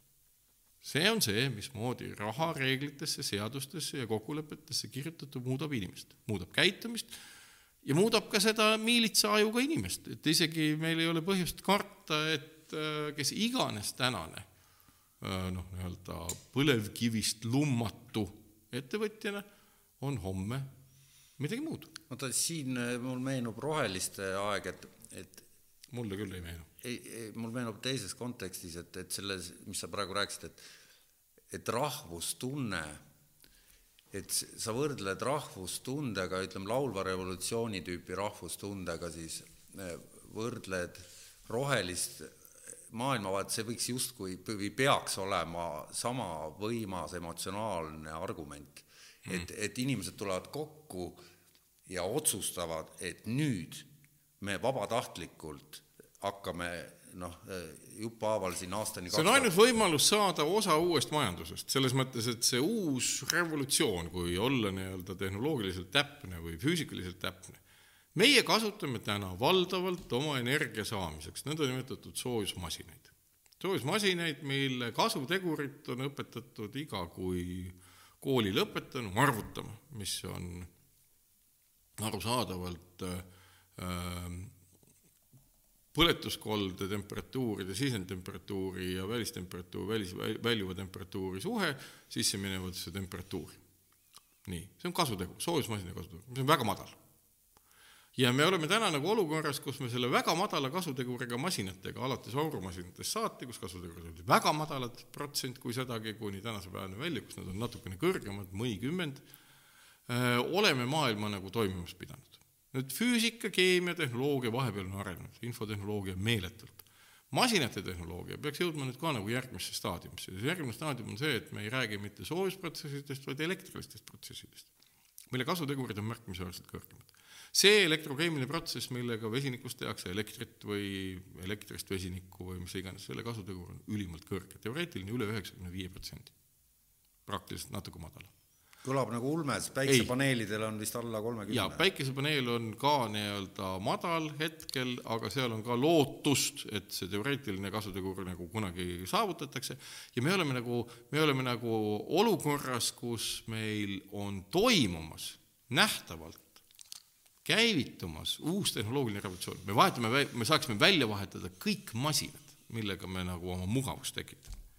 ja nüüd ongi nagu see, et mõnes mõttes on sul õigus see ongi natukene samasugune nagu iseseisvumine, see olukord, kus me peaksime nagu kaasa aitama sellele, et meie enda heaolu, meie laste heaolu huvides, me loome eeldused, et need tehnoloogiad välja vahetatakse, et luuakse uued masinad ja võetakse need kasutusse, kuna need masinad on loodud. aga kas me saame seda teha Eesti mastaabis üldse niimoodi ei, Eesti ilma, ilma minemata rahvusvaheliseks? ei, Eesti mastaabis seda ei ole võimalik midagi? teha, sellepärast et me oleme loobunud oma keskpangast, me ei trüki iseenda raha ja selles kontekstis, kui tunda, ma arvan, et igaüks tunneb seda, et kui see asi toimuks rahasüsteemi kaudu, oleks see lihtne, lõbus, huvitav ja võimalusi pakkuv, meie nii-öelda rahasüsteem on Euroopa rahasüsteem, rootslaste rahasüsteem on näiteks nende oma, nemad saaksid seda tegema hakata. no Norras on Tesla kõige ostetum auto ja Norra on naftariik, et jaa, väga loogiline. saab teha asju. saab teha asju. see on nagu näide, mis on nagu ja ma arvan, et ma arvan, et see ongi nagu täpselt seesama küsimus, et nii palju, kui ma olen vestelnud nii-öelda inimestega, kes teavad keskpangandusest või on töötanud seal või töötavad jätkuvalt, nad ütlevad, et sellel mudelil on väga palju nii-öelda põhjust loota, et see käivitada saaks. sellepärast, et oota, millal? keskpankade trükitaval ja kommertspankade poolt nii-öelda paljundataval rahamudelil on nii-öelda väga suur potentsiaal olla tehnoloogiate väljavahetamise käivitaja. ja ma arvan, et see ongi nii. selles mõttes see mõte on hästi vana, see tegelikult on esmased riismed sellest noh, kümme aastat vanad ja nüüd nagu pisitasa on need nagu settinud ja sättunud sellisel moel, et me julgeme seda välja öelda, et nii peaks toimuma. sellepärast, et ühtegi muud teed ei ole. Kõik muud teed oota, sa ütlesid kümme aastat, aga teema kerkis üles juba kaheksakümne teisel, et mis vahepeal, mis enne oli? ennem ma ei mõelnud selle peale nii palju, ennem seda olin ma ka naiivne. ei, ma mõtlen, et teised inimesed ka. aga teised inimesed uskusid valesid. terve maailm? väga palju, jaa, loomulikult ega meil ei ole põhjust ju vaadata kuhugi mujale, vaatame, kui palju on aegade jooksul valitud rohelisi erakondi erinevatesse parlamentidesse ja me näeme, et see ongi see marginaalne inimeste hulk, kes on aru saanud, et maailm on teistsugune kui ei no aga Saksamaal on rohelised väga kõvad tegijad. no ikkagi, protsendid ülimalt väiksed, nüüd hakkavad kasvama. nüüd tekib muu asi, nüüd öelda lihtsalt kõik ütlevad, et me oleme ammu seda rääkinud. see, see ei oma tähtsust, aga lihtsalt nii-öelda kuna, kuna ütleme, üheksakümnendate alguses nii edasi, nii edasi, olid rohelised poliitilises mõttes ainsad, kes rääkisid seda juttu, mida täna räägivad kõik, siis nende toetusprotsent ilmselt mõõdab seda, kui palju inimesed nii-öelda pidasid seda oluliseks. no praegu kõikides, ilmselt kõikides, ükskõik millistes erakonna või partei poliitilistes programmides on see teema raudselt sees. välja arvatud mõned kas ikka veel on kedagi, kellel isegi programmis ei ole? jaa, ma arvan küll, et on, kes on selle nagu maha salanud? jah, need on nagu need äh, seksuaalselt frustreeritud, freudistlikult, freudistlikult äh, frustreeritud äh, poliitilised jõud Eestis, neid on. ei, ma mõtlengi, et, et, et see, see näitab si-, no ütleme, see on tegelikult nüüd see, mis minu jaoks defineerib selle, et on ikkagi väga suur hulk inimesi kellele lausa meeldib, et see on programmist väljas, ehk siis kes aktiivselt töötavad vastu. ehk siis kelle poolt on siiski rohkem raha tänase päeva seisuga. jaa, aga äh, taas, et ega me ei ja keegi ei taha rahast loobuda. jaa, aga selleks nüüd, nüüd juurde kelle... trükkimine on ikkagi kas ei ole kellegi arvelt, et kõigile jäetakse nagu see kõigile jäävad nende võimalused alles, see ongi nagu see mõte, et näiteks ei ole plaani, et äh, ei ole plaani, et et äh, Sandor Liive või Hando Sutter või isegi Gerhard Schröder, kes on ju Vene naftafirmat juhtinud, et ta näiteks vangi panna. see ongi nagu see lugu peaks et... panema või? ei, ei, noh, kui ma toon selle võrdluse Willie Messerschmittiga, kes pandi ah, vangi. et noh, kes oli nats ja pandi vangi mm,. no ta oli nats, sellepärast pandi. jah, aga noh, nüüd me, meil on ka, eks ole, süsinikunatsid on ju need, kes on nagu need põletanud, eks ole, fossiilseid kütuseid, aga seda ma tahangi öelda, et, et sellel puhul ei ole süüdlasi selles mõttes, et kuna raha on defineerinud ka nende inimeste käitumise, siis süüdlast pole, sellepärast et rahareeglid on võimaldanud seda. noh, natsiks olla, see oli teatud niisugune ideoloogia okay.. ja, ja, ja selle tõttu ma tahangi öelda, et kuna kedagi selles protsessis ei karistata, sõltumata sellest, milliseid fossiilseid kuritegusid noh, kellegi kontekstis need teinud on, ja seda lahendatakse ikkagi kapitalismi mudeli enda piires ja rahandusmudeli enda piires, kuna see tekitab kõige vähem tülisid siis ma arvan, et see realiseerub, sellepärast et igaüks saab oma. ja, ja on võimalik nii-öelda, kuna tekitatakse võimalusi juurde, on igalühel võimalik nii-öelda saada osa sellest. oota, aga ütle siis, me kõik teame, et auto tootmine, mis äri on, nafta tootmine, mis sellega seotud on, mis rahad seal liiguvad, ütle mulle, noh, British Petroleum, noh, mäletad Mehhiko lahte, eks, mis seal toimus, et, et ütle, kuidas, mi-, mil-, mismoodi millised majandusosad lisaks tuulikute ehitamise protsessile, et sellesse nii-öelda süsinikust välja tulemisega kaasnevad, millised sissetulekuallikad lisanduvad, sellised, mida praegu ei ole või on? ei, sissetulekuallikad nagu selles mõttes majandus muutub väga põhjalikult, et äh, kui nii-öelda muutub energeetiline alus, siis tõenäoliselt muutub kogu põllumajandus, põllumajandus juba selle tõttu, et põllumajandus muutuvas kliimas ei ole enam sellisel kujul jätkusuutlik ja kolmkümmend seitse protsenti põllumaade all, et see on ebamõistlik. see on nüüd, sa räägid äh, vegan. ei, ma ei räägi, aga ma küsin, ma küsin, ei, aga ma küsiksin isikliku asja vahele. no küsi isiklik asi vahele. see, et me kunagi sinuga sõime koos äh, toorel kombel liha ja, ja, ja ma mäletan, kuidas sa ütlesid, et ilma loomse vaiguta inimene sureb ära. liha peab, sina pead liha sööma ja siis läks mõni aasta mööda, me vahepeal ei trehvanud või mida iganes ja siis sa olid kõva vegan ja rääkisid täpselt sama juttu, et ainult vastupidi ja ütlesid, et su oma tütar rääkis sulle augu pähe, et on olemas niisugune firma nagu Beyond Meat, vist oli selle nimi. ei, minu tütar ei rääkinud mulle mitte firma peal auku pähe, vaid ega see on väga lihtne. sa istud ja loed ja vaatad ja avastad ja võrdled lihavalkude koostist ja võrdled taimevalkude koostist ja vaatad seda spektrit, milliseid taimevalke ja mitte lihavalke sa peaksid sööma ja jõuad lihtsale järeldusele. see, mida minule ja paljudele minusugustele on kooliajast saadik räägitud, asendamatud aminohapped, mille päritolu on ainult liha ja nii edasi, nii edasi, on bluff. see ei vasta tõele, see ei vasta tõele. ma kasuta-, ma olen kasutanud täiesti reaalselt väga suure osa oma elust mulle ette söödetud valeinformatsiooni, mida ma pole kunagi vaevunud nagu üle arvutama ja vaatama ja olen sellest aluselt käitunud ja see ongi, see ongi nii, see on täpselt sama lugu, miks Endel Lippmaa või Anto Raukas on inimestele valetanud, see ongi, ka mina olen valetanud seda ma tahtsingi öelda, et, et sa oled nüüd, et see on üks asi, mida ma olen täheldanud, et sa oled sada kaheksakümmend kraadi ise muutnud. see ei ole sada kaheksakümmend kraadi muutnud. või, või noh, muutnud, no ikka oluliselt. ma lihtsalt ma, nagu, nagu olen loobunud. lihasööjast vegan, noh, sai vegan. et no,, et, et, et, et kas tähendab, siis me jõuame, noh, ma tahan tüürida jälle selle inimkäitumise juurde, et et sa oled enda peal katsetanud nii-öelda, et, et, et, et sa oled ise võimeline ümber orienteeruma, ütleme. ja loomulikult olen. ja, ja, ja, ma arvan, ja selle tõttu sa usud, et teised on ka? ma ei arva, et sama meetodiga, aga ma olen veendunud, et kui nii-öelda meetod on läbimõeldud, näiteks ütleme, tehnoloogiate ümbervahetamisel me ei räägi mitte teadlikkuse kasvatamisest, et Toomas äh, sul peab olema teadlikkust nii palju, et sa ostad kallima elektriauto või mis iganes, aga me alustame ikkagi sellest, et me muudame majandusprotsessi teistsuguseks, kuna majandusprotsess on väljamõeldis. ja seda me ei saa Eestis teha, kuna meil on euro? Äh, me saame selle üle arutada ja me saame veenda ja ma arvan, et igaüks peab veenma oma tuttavaid. milles? selles, et nii on võimalik ja haarama igast võimalusest kinni selgitades, et kuulge, tundub, et näete, meil siin on räägitud juba, on kirjutatud artikleid ja on räägitud, et nii saab. mida rohkem inimesi räägivad, et nii saab, seda rohkem võib-olla saabki. ega see on nagu küsimus sellest, et noh, ma saan aru, et ma peaks tegelikult rääkima mingisuguses, ma ei tea, BBC raadiosaates või kirjutama mingis muus kohas. kas seal ei räägita?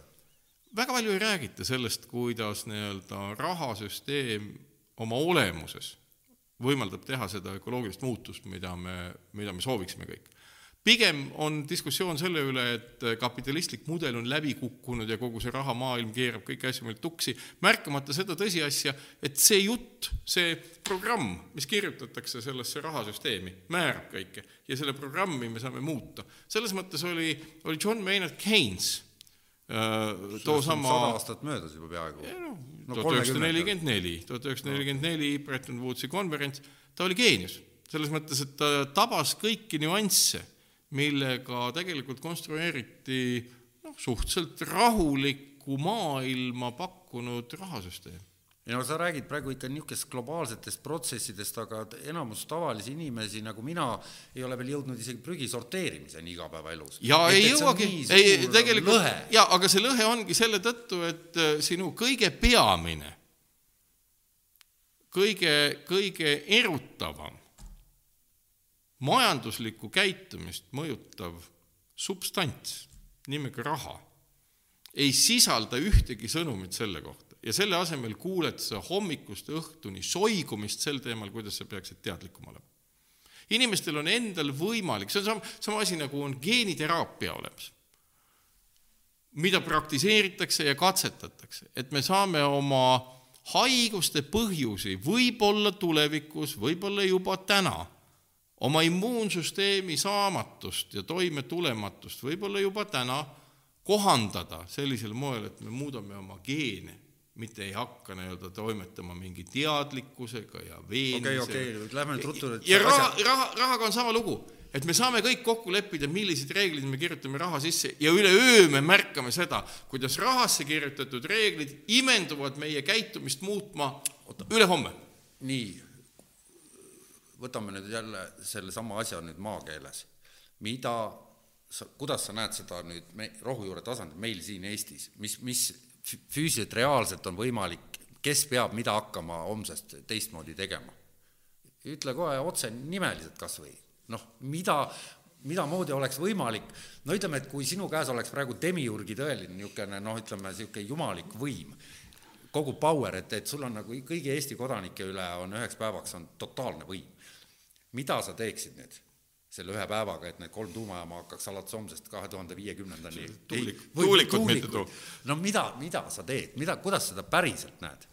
parlament võtab vastu otsuse sellest hetkest alates keelustatakse nii-öelda taastuv, fossiilse energia kasutamine igas valdkonnas, kogu see energiatehnoloogia hakkab nii-öelda välja oota, räägi aeglasemalt mis hakkab? ma, noh, see on nagu arsti see pagana ravimireklaam, ühesõnaga on mingisugune hetk, kus öeldakse, et nii, sellest hetkest alates, see ei ole mitte Eesti küsimus, näiteks Euroopa Liidu kogu küsimus, sellest hetkest alates Euroopa Liidus lõpetatakse nii-öelda uute äh, taastuv, vabandust, fossiilenergeetiliste seadmete ehitamine ja sellest hetkest alates äh, hakatakse nii-öelda konserveerima ja kasutusest välja viima nii-öelda fossiilenergeetilisi seadmeid. no osa riike on juba selle vastu võtnud. nii, no jaa, ja nüüd ongi nagu, ja, ja, aga noh, nii-öelda see mehhanism on päris keeruline. Ja nüüd nagu selleks, et seda kiirendada, et küsimus ei oleks, et mitte see käib kolmkümmend aastat, vaid et see käib viis kuni kümme aastat, siis on sellel kõige suurem mõju siis öeldaksegi, et ja nüüd käivitub nii-öelda suunatud rahaoperatsioon, mida viib Euroopa Liidus läbi Euroopa Liidu Keskpank,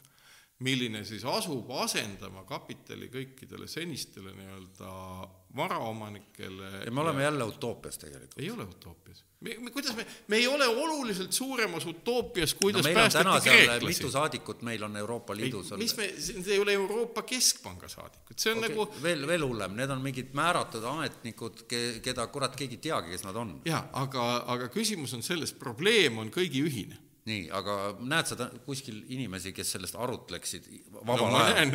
ei no me, ma räägin vabal ajal tänavanurkadel. no niimoodi. ma olen arutanud viimase, eh, viimase eh, kolme nädalaga sadade inimestega seda. sadade? jaa, erinevate ettekannete tegemise tulemusena ja on tekkinud diskussioonid ja ma räägingi sellest, ma räägin siin raadios ka lootuses, et sajad inimesed tunnevad huvi selle vastu.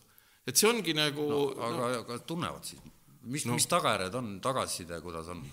mis... no et sa kutsusid mind saatesse. jaa, aga nende sadade inimeste ma ei tea, kas meil on ega lootus? ma, ega ma ju nende sisse ei näe, no, ega see nad, ei ole kas nad tulevad pärast, tirivad varrukasse, et Marek, räägi, kuidas oled sa näinud, et mingi, mingi inimene, eriti Eestis tuleb ja oo, teil on hea plaan.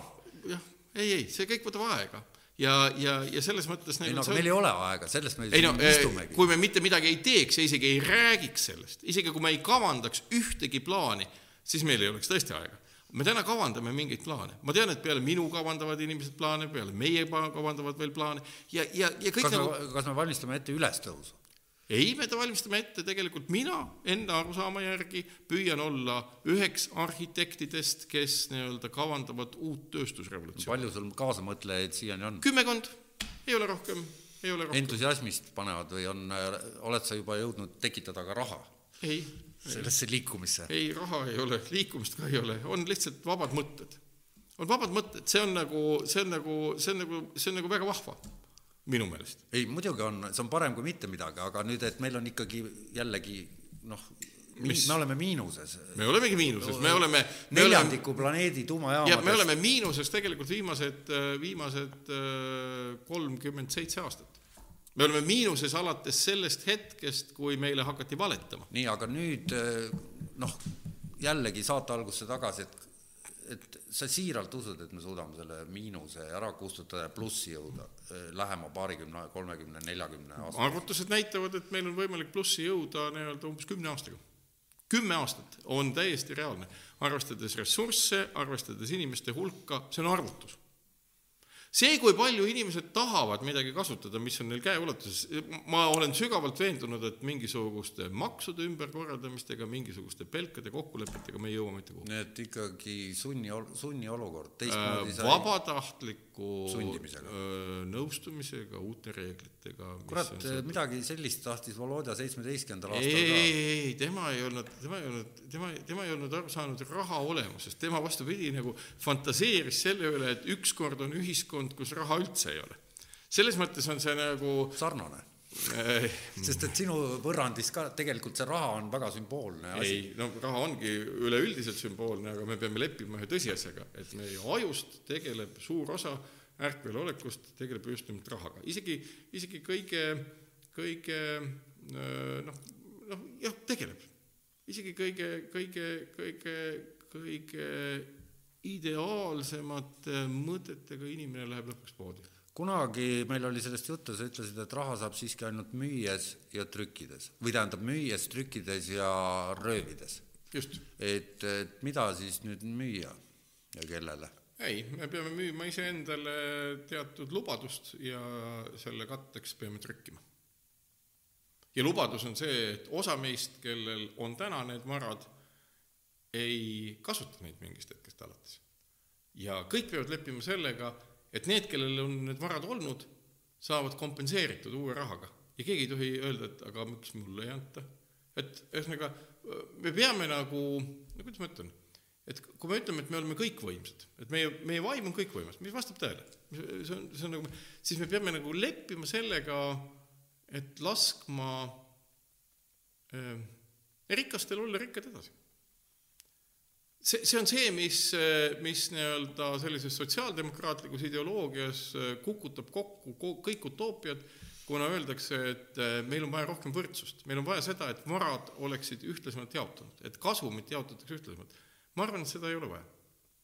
ja, ja, ja, ja see on suur eneseületus no seda juttu räägitakse üsna palju, et, et, et, et see võrdsus ei ole mitte noh tulemust ei tule võrdsustada, vaid äh, tuleb võimalusi.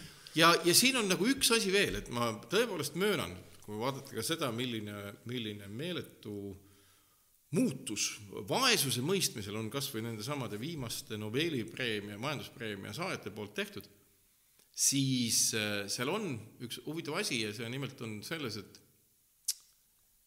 et ähm, vaesust tuleks kuidagi eos vältida ja äh, seda püüdis teha ka Milton Friedman, kellel on üks geniaalne nii-öelda mehhanism selle jaoks, see on nagu negatiivne tulumaks.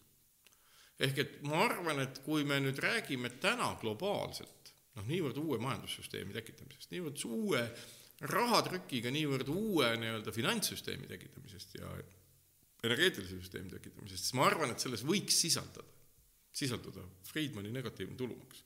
seleta see lahti. negatiivne tulumaks on see, et on mingisugune tase, kuna noh, kuna rahal absoluutväärtust ei ole, siis raha peab olema nii palju, et kõigil on midagi teha. see on põhimõtteliselt Friedmani kontseptsioon, hästi lihtsalt ära toodud, mõne sekundiga.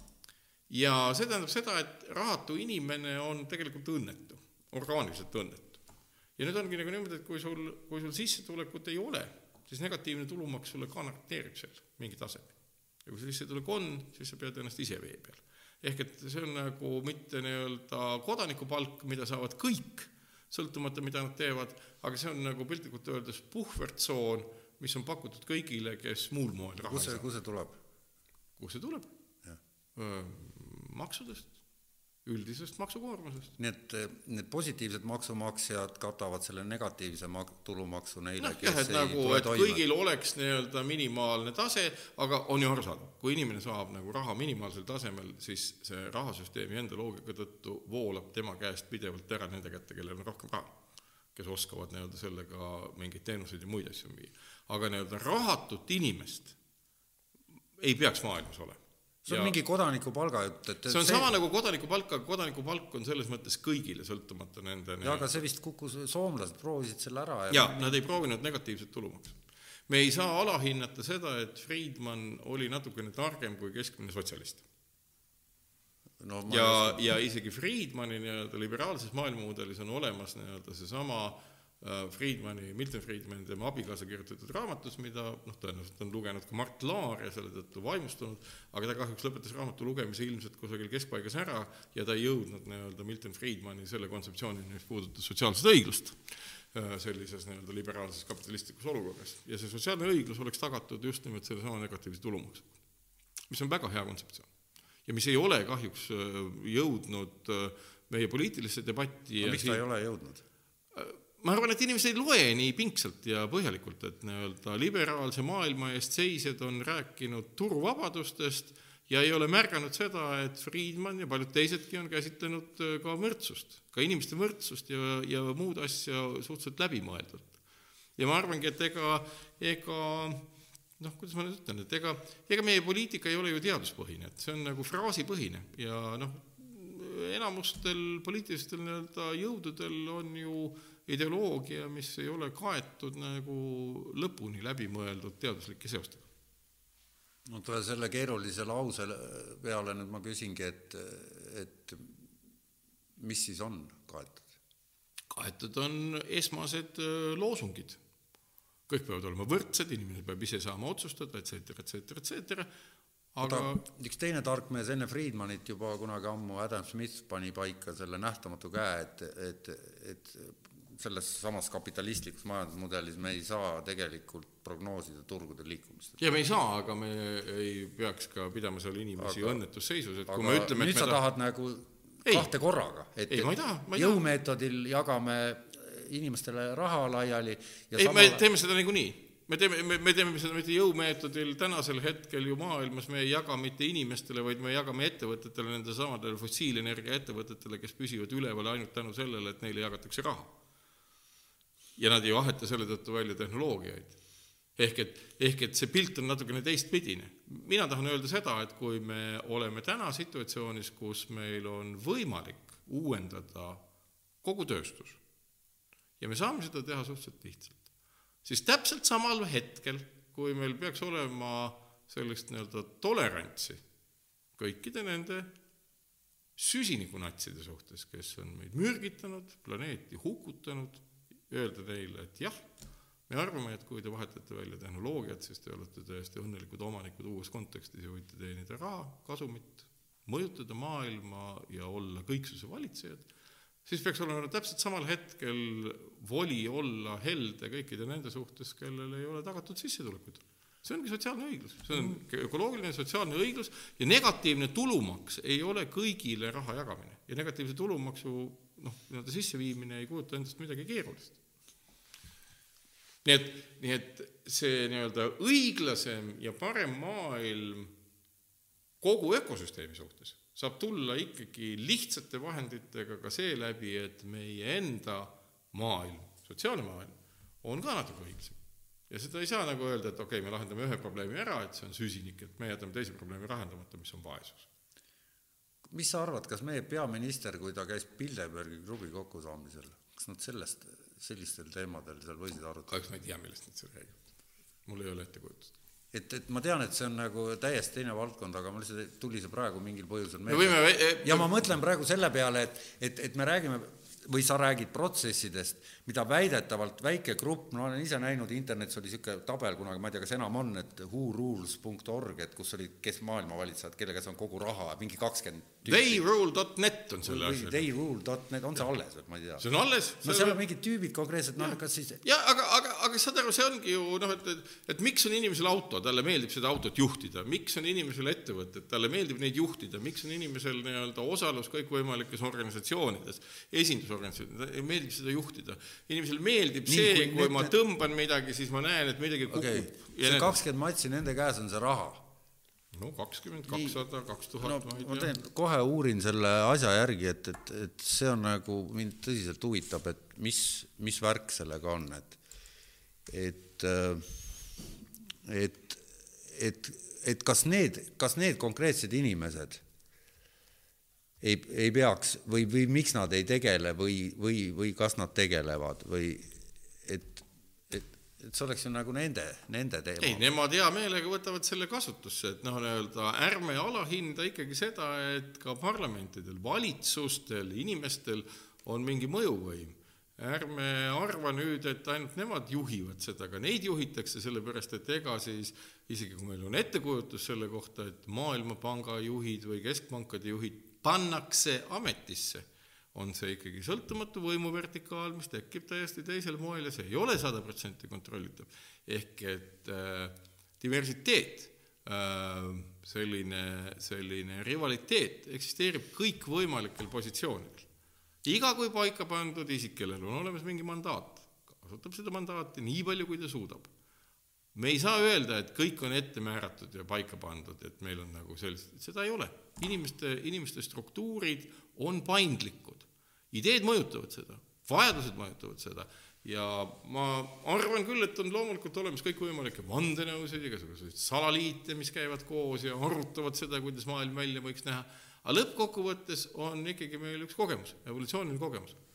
ja evolutsioon tähendab seda, et alati on võimalik käivitada mingi funktsiooni muutus, kui selleks on vajadus. ja antud hetkel ma usun sellesse evolutsiooni, et juhul, kui on ära näidatud, milline saab olla funktsiooni muutus, siis see funktsiooni muutus ka tekib ja väga suur lootus on selles, et see funktsiooni muutus nii-öelda muudab meie enda heaolu. kusjuures me räägime tegelikult lihtsast asjast. füüsikalises mõttes me räägime ülilihtsast asjast. soojusmasinate asendamisest elektrokeemiliste, keemiliste ja elektriliste masinatega. ja mitte millestki muust. Ja see on lahe, sellepärast et me teame, et infotehnoloogia valdkonnas on see olnud väga lahe ja me naudime seda. me peaks nautima seda kõikjal, energia, liikumise, toidu tootmise, mis iganes valdkonnas ja kas sa annad mingit lootust, et see on paratamatu arengusuund või? mina annan muidugi lootust, et see on paratamatu arengusuund, mina, muutuste arhitekt, Ja. ju saangi öelda ainult seda, et see on kõige õigem muutus ja panna oma arhitektuur ja lahendus välja sellele väljale, kus kõik saavad seda vaadata ja hinnata, kas see on nüüd hea muutus või mitte no, no ma tahaks saate lõpetada kuidagi mingi sellise optimistliku noodiga. ma olen väga optimistlik olnud kogu saate vältel, minu meelest. ei, ma mõtlen seda, et kuidas, kuidas saavad inimesed, kellel on raha ja need, kellel ei ole raha, ühineda selle lipu all, et, et meil on, meil ei ole valikut, et me sureme välja. aga see on väga lihtne, sellepärast et iga nii-öelda rahasüsteemi muutus annab lootuse, nagu loteriimäng, et vaatamata sellele, et kõigil on just nagu ette määratult ette nähtud, kui palju neile midagi tuleb, on evolutsiooniprotsess selline, kus alati käib mingisugune trikk, mingi muutus. ja muutus rahasüsteemis annab kõigile inimestele, nii neile, kellel on raha, kui neile, kellel ei ole raha, kui neile, kellel on vara ja neile, kellel ei ole raha, uusi võimalusi. aga sa ju mõistad, et need inimesed, kes meid kuulavad, neid ei ole mingit sõna võimalik sekka öelda muutuste kohta rahasüsteemis äh, neil on võimalus soovitada, et sellised muutused võiksid sündida, sellepärast et siis võib pudeneda igale ühele midagi, kuna kõik läheb trügida uueks. kraanile lähemale, et siis äkki jääb midagi sõrmede külge. täpselt nii, nagu toimus pärast tuhande üheksasaja üheksakümne teise aasta rahareformi Eestis meenutage seda, küsige inimeste käest, lugege mälestusi ja te näete, mis toimus.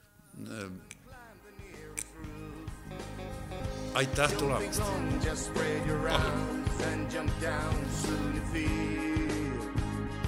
The wind is flying near. When you